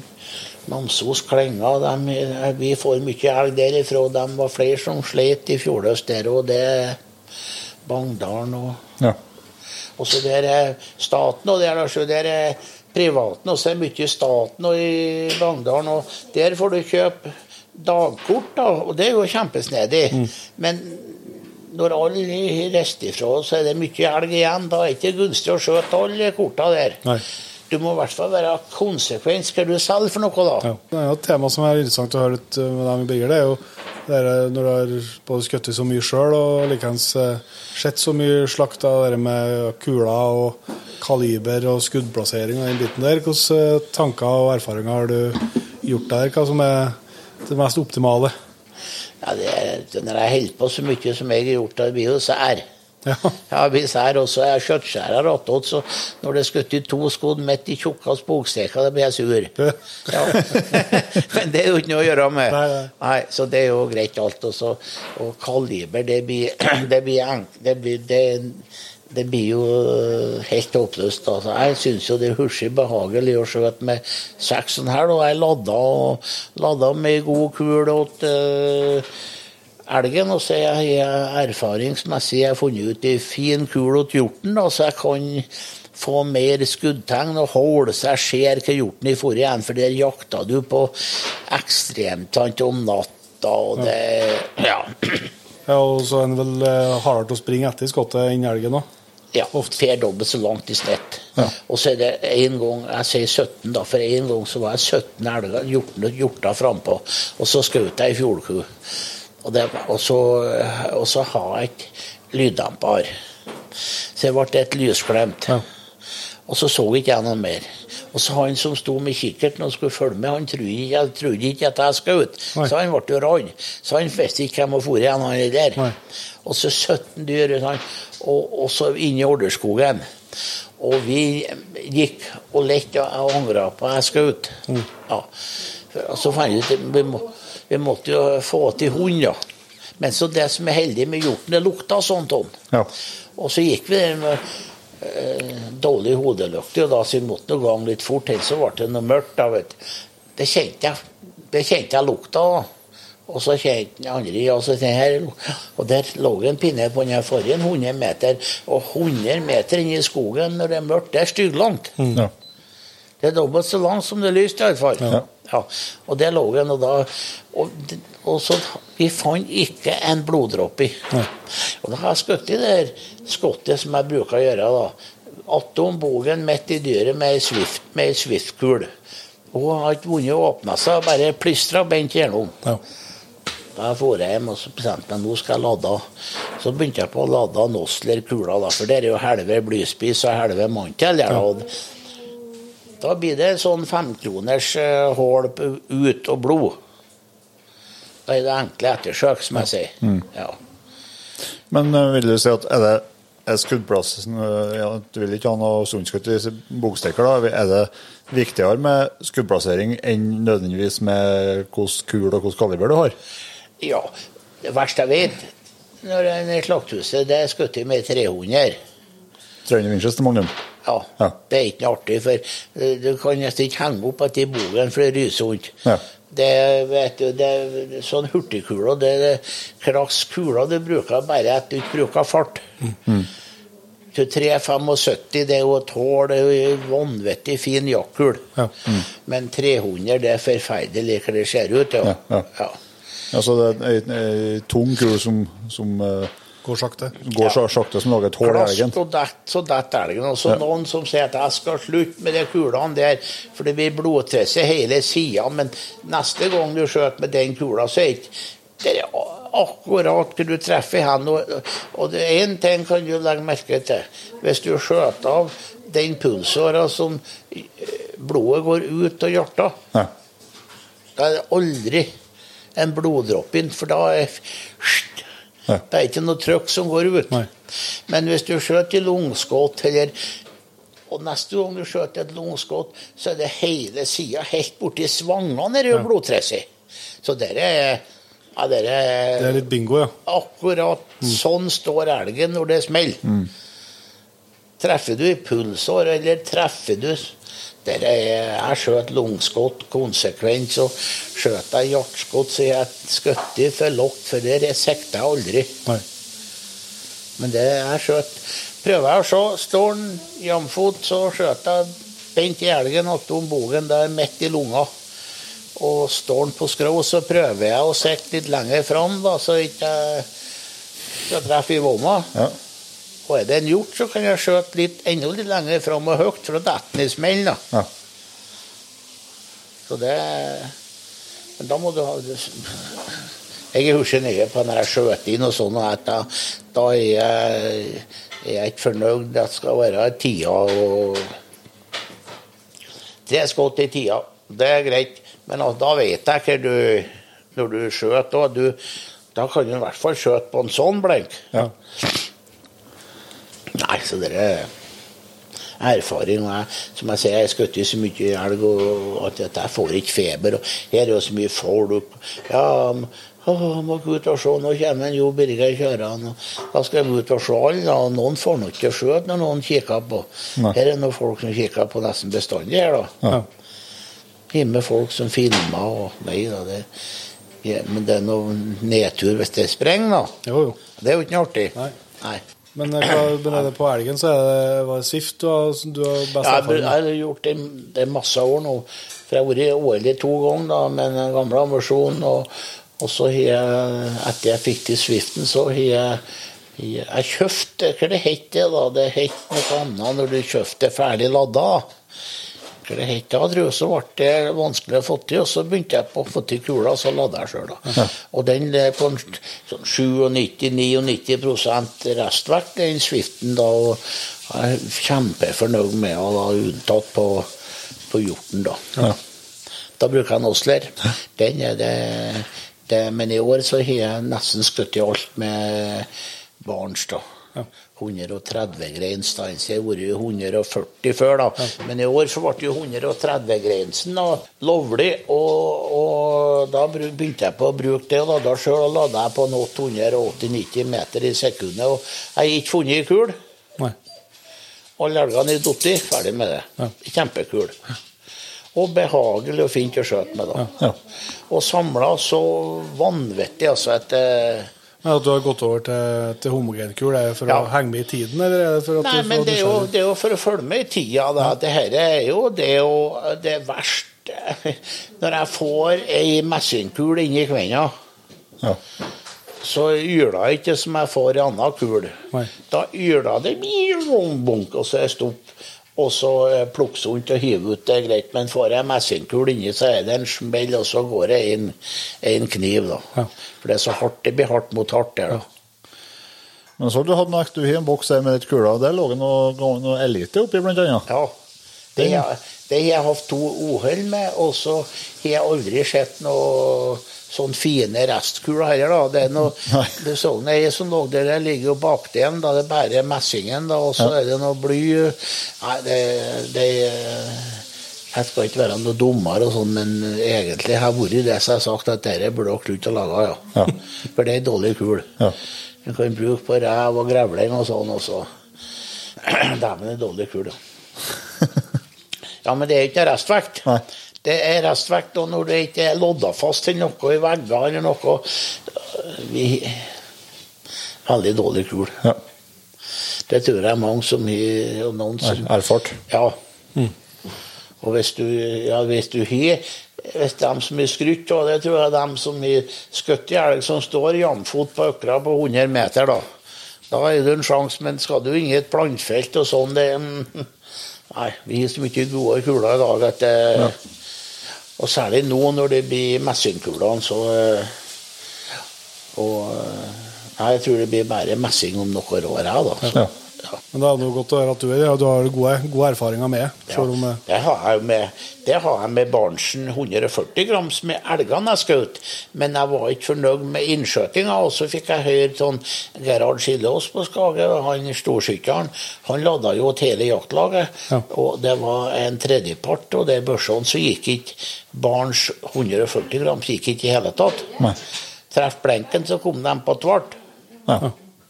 Det er for lang. For lang i kul. Du får ikke må, han, Gerhard sa du måtte opp i magnumladninga for å få det til å gå. Ja. Og da er det ikke artig lenger da, hvis det, når du tar ladegrep, så detter fenget da uti da. Det har vært nok rut inni da. Nei, så Derfor er det så veldig Når du har den eh, 130 greins, Ja. skjøt perfekt med, vet du. Ja. Og så reise på jakt når det sprer litt sånn, det er jo ikke artig. Nei, nei, nei. Nei, så da eh, Jeg har mye, jeg har mye men jeg har jo en god del sånn landkuler igjen, da, men det, det Nei. 130 greier. For jeg brukte jo som jeg visste der, da. Ja, ja. Det, det der Seljer og Belliot. Da. Så det er det jeg lurer på, da. For vi tror jo vi er verdensmestere, vi i Norge, da, men det er rart at vi ikke har det belegget på For det, det ble jo sagt det at når vi skulle ut med barn, så måtte vi pusse børsene med et spesielt stoff, for det ble messingbelegg i løpet. da. Ja. Men så er Seljer og Belliot kommet med der blålakken på kulene, da. Vi har ikke hørt om noe, har jo ikke sett noe om det jeger, hund og våpen eller noen ting, egentlig. nei. Hvorfor? Uh, Vi har fått eh, spurt og grovet mye nå, eh, Birger, om uh, både jakt og forvaltning og slakting og ikke helt for alt. Men vi skal jo, vi har vært her snart hele dagen, så vi må snart slippe det. Det kommer noen kunder som skal handle kjøtt her snart, så Ja. vi må begynne å runde av. Hertim. hvert. Om i hertim, så kommer noen. Men vi har noen eh, faste punkter som vi er innom med alle gjestene våre. Da, vet du. Og eh, ene spørsmålet vi har der eh, Du har jo kommet med masse tips her, da, men hvis du skal trekke fram ditt beste jakttips, da, hva kommer du med da? Jo, men altså, som jeg har sagt til dere litt tidligere, vi satt og diskuterte og åt bløtkake. Altså, første i jakta, når du begynner på å nærme seg jakta, for, for Guds skyld, hold kniven kvass. Ja. Ja, Ha en god og kvass kniv eller to. En til arbeid og en til slakting på deg. da. Ja. Det er bestandig en samekniv som er sterk og tåler når du skal hogge ved til kaffen. og alt. Og så gir du en ordentlig kvass kniv som du kan Det er alfa og omega, så du har å stikke elgen med når du skutter. Og da kan en, ja, akkurat som jeg sagt, stikk elgen med en god og kvass kniv. Jeg kvesser kniver for mange jegere, så de kan bare kjøre hit hvis de vil ha hjelp. Så skal jeg kvesse knivene. Det er. Det er et godt tips. Det er et godt tips. Ja. Er det noe jaktutstyr da, som du, som du har som du er veldig godt fornøyd med og vil anbefale videre? ja, hvis du skal ha klær, for da så jeg jo på en, på her, en eh, video som jeg hadde fra gammeltida, da jeg hadde da jeg var massemorder og gikk med tvitreklær. Ja. Det savner jeg for kjøp i dag, egentlig. Ja. Tvitrejakke og tvitrebuks. Da, da er du farlig, for du slipper å ligge og snike deg fram etter høyre sjøl. Jeg hører jo dårlig, Ja. men når jeg hører sjøl jeg går, da, da skrapa jeg mye. Ja, ja. Nei, så gode klær. Og, og, og før i tida så var det jo tvitreklær, og det var jo varmt om det ble bløtt og, og lydløst. Mm. Kjempemessig. Da skal, vi skal komme med tips til etterpå her. Ja. Det er bra. Og så lurer jeg på om du har noe jaktdrøm da, som du ikke har fått prøvd ut? Ja, det er borti Nei, ja, nei, altså egentlig så har jeg blitt bedt på jakt i Tyskland og alle steder egentlig, gjennom fiske og jakt. Jeg har hatt tyskere her og jakta, og italienere. Men som jeg sier, jeg trenger ikke å reise dit på jakt, for jeg får skjøt alt jeg vil egentlig her, da, unntatt eh, villsvin. De skriker noe så inni gampen og greier. Altså, det er greit, men, så jeg kan skjøte så mye her. Men jeg kan reise en tur dit og se, og være med og slakte og ordne. Men akkurat til skjøtinga det- Jeg får skjøte så mye her at da må nå dem som bor der, få skjøte. For er du, som jeg sier, er du oppvokst i gamle Nord-Trøndelag og er interessert i jakt og fiske, da må du nå være født i paradiset. Ja. Ja, det, det kan jo ikke være noe likere. Og så er vi sånn passelige med folk òg, så, vi, så vi, vi får noe eh, gravat oss mye jakt, vi som vil egentlig. For det er jo ikke mye konkurranse heller, da. Hvis du er litt kjent på markedet. Så jeg, jeg sier det, vi er heldige, vi som er eh, født og oppvokst oppi her og får leve og, og helsa, ikke minst, da, oppi her. Da, så, så får, jeg kunne, jeg, som jeg sier til Maja nå, jeg ville ha vært oppe i Anchorage en tur, og, og nå hører jeg, hører du, ja, og lytter nå. eh. For jeg ville kjørt en tur der til å være en 14 dager. Ja. Og sett bjørnen og elgen og gikk i byen, og, så jeg kunne ha gått på restaurant der og spist en biff som er på Tenerife, da. Ja. For Tenerife er du for gammel til å se på damer, da, sant? Men, men du er nå ikke for gammel til å se på en elg. Nei, nei, nei. Så det Jækla godt poeng. Ja, det er jo Jeg må nå si jeg er for gammel til å se på damer. når Mor hører på, vet du. Ja. Nei, altså, jeg- der jeg kunne jeg tenkt meg å være. Ja. Det, er- vi, det er vi ikke ferdig diskutert ennå. Får vi med et vennepar, så drar vi. Ja. Det, vært- det syns jeg har vært Opplevelse. opplevelse, da. Ja. For det er for skjøt på andre plasser. Det, vet du, vi, for meg er ikke det noe For jeg syns jeg har så som plommen jeger her, for jeg fisker storlaks, og det er mange i verden som ikke gir en mulighet til å Så kan jeg Det er så mye sommer nå, så det var jo kjempemye laks, men det er jo mindre laks, det er klart, for nå får vi en dag, så må vi slutte opp. Ja. Ja, da, da, og Før kunne jeg fått ti lakser en dag, men det får jeg jo ikke nå. Nei. For det er jo ikke lov. Jeg rodde på andre lakser til Maja. Det er dårlig år siden. jeg rodde, jeg, jeg rodde jo på fullt av laks ut til utlendingene. En og en dag har jeg vært i muligheten. Jeg kan rodd på ti noen dager, så jeg måtte jeg fått mye mer laks i Namsing. Men det er jo klart, når vi får Og så når helvete setter den ut igjen, og så er ikke sikkert alle varsku om det heller. Nei. Det, blir- det blir ikke noe fasit. Nei, det er en, det er en sånn Nei, så jeg må si det er Ja, jeg kan Jeg har Som plommen jeger. Jeg har som plommen jeger. Ja. Ja. Kan skjøte rev, jeg har mårfelle og ikke annet. Mm. Jeg reiser jeg på hytta, det er revått der og Nei. Og sier jakter du, så må du ta litt rovdyr òg. Jeg syns de som driver revejakt her, unge, tause gutter med sosialt, og det er jo kjempemessig. De hunder, og de jakter med hihund og alt. Det er jo eventyr. Ja. Ja. Og så runder vi sånn, ja, vi blir med i jakthistorie, da. Men vi får lura til deg historie på slutten der. Ja, det, det var litt dumt ikke jeg har stelt meg litt på, for at eh, det er egentlig likest jeg vet, det er å være toastmaster og sånn da, i selskap, og så kan jeg hende de leier meg inn da, og, og, fortelle, og fortelle, for å fortelle noen historier, men sånn jakthistorie da, det har vært litt sånn eh, Det kom litt dott på, da. Vi kan bare sånn grove Slo du av noe? Ja, Alvor har begynt å skravle opp på kjøkkenet nå, ja. Hæ? Nå begynte begynt å skravle opp på kjøkkenet. Ja. nå, Nei, altså, det var Det ble sånn eh, Den må vi ta neste gang, så får jeg stelle meg litt. Nei, men da tror jeg vi runder av, det. Gjør vi. Så sier vi tusen takk for at vi fikk lov til å komme og bruke litt tida di. Trivelig. Og så hvis vi finner ut det her ble galt, så må vi ta en tur til, da. Ja, for- Eller jeg kommer på en god historie. Jeg har noen historier, men Maja sa jeg måtte ikke De var vel ikke rett kalibre. Oh. 3,75 er blitt fornøft. Nei, takk for praten. Det var trivelig. Det var altså Jo Birger Furulund fra Overhalla. Det er jo eh, mye lokalprat her, som selvsagt ikke er så enkelt å henge med på selvsagt for dem som hører her fra det ganske land, men eh, jeg tror jo der at tematikken er universell. Det er en.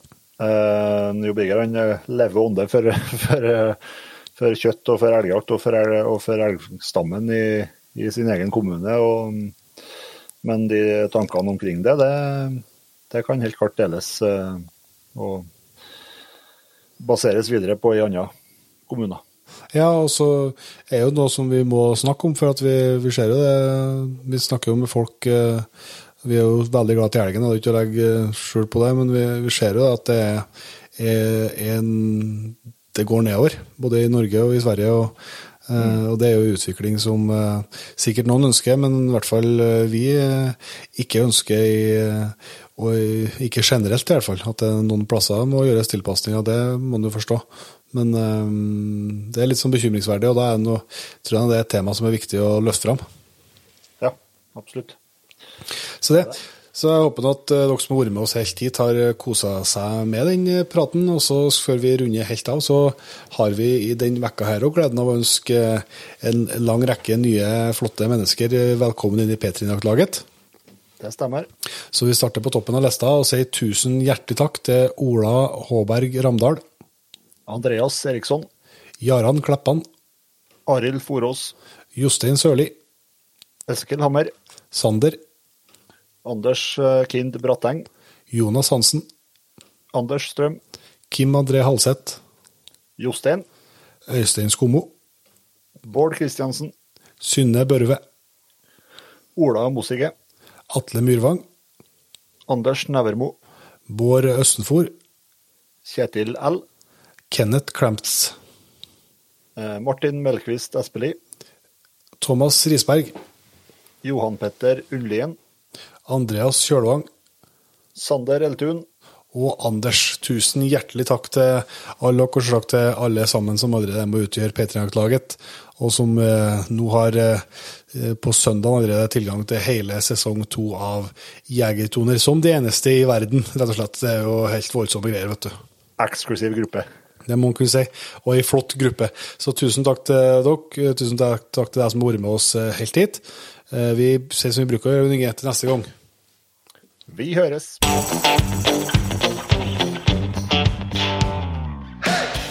Tusen hjertelig takk for at du valgte å bruke litt av tida di på Jegerpodden. Sjekk ut jegerpodden.no eller eh, din favoritt-podkastspiller for enda mer innhold og flere episoder. Følg òg Jegerpodden på Facebook og Instagram, og ikke minst, husk å fortelle alle gode venner, familie og tilfeldige forbipasserende om Jegerpodden, sånn at vi får spredd glade budskap videre. Vi høres.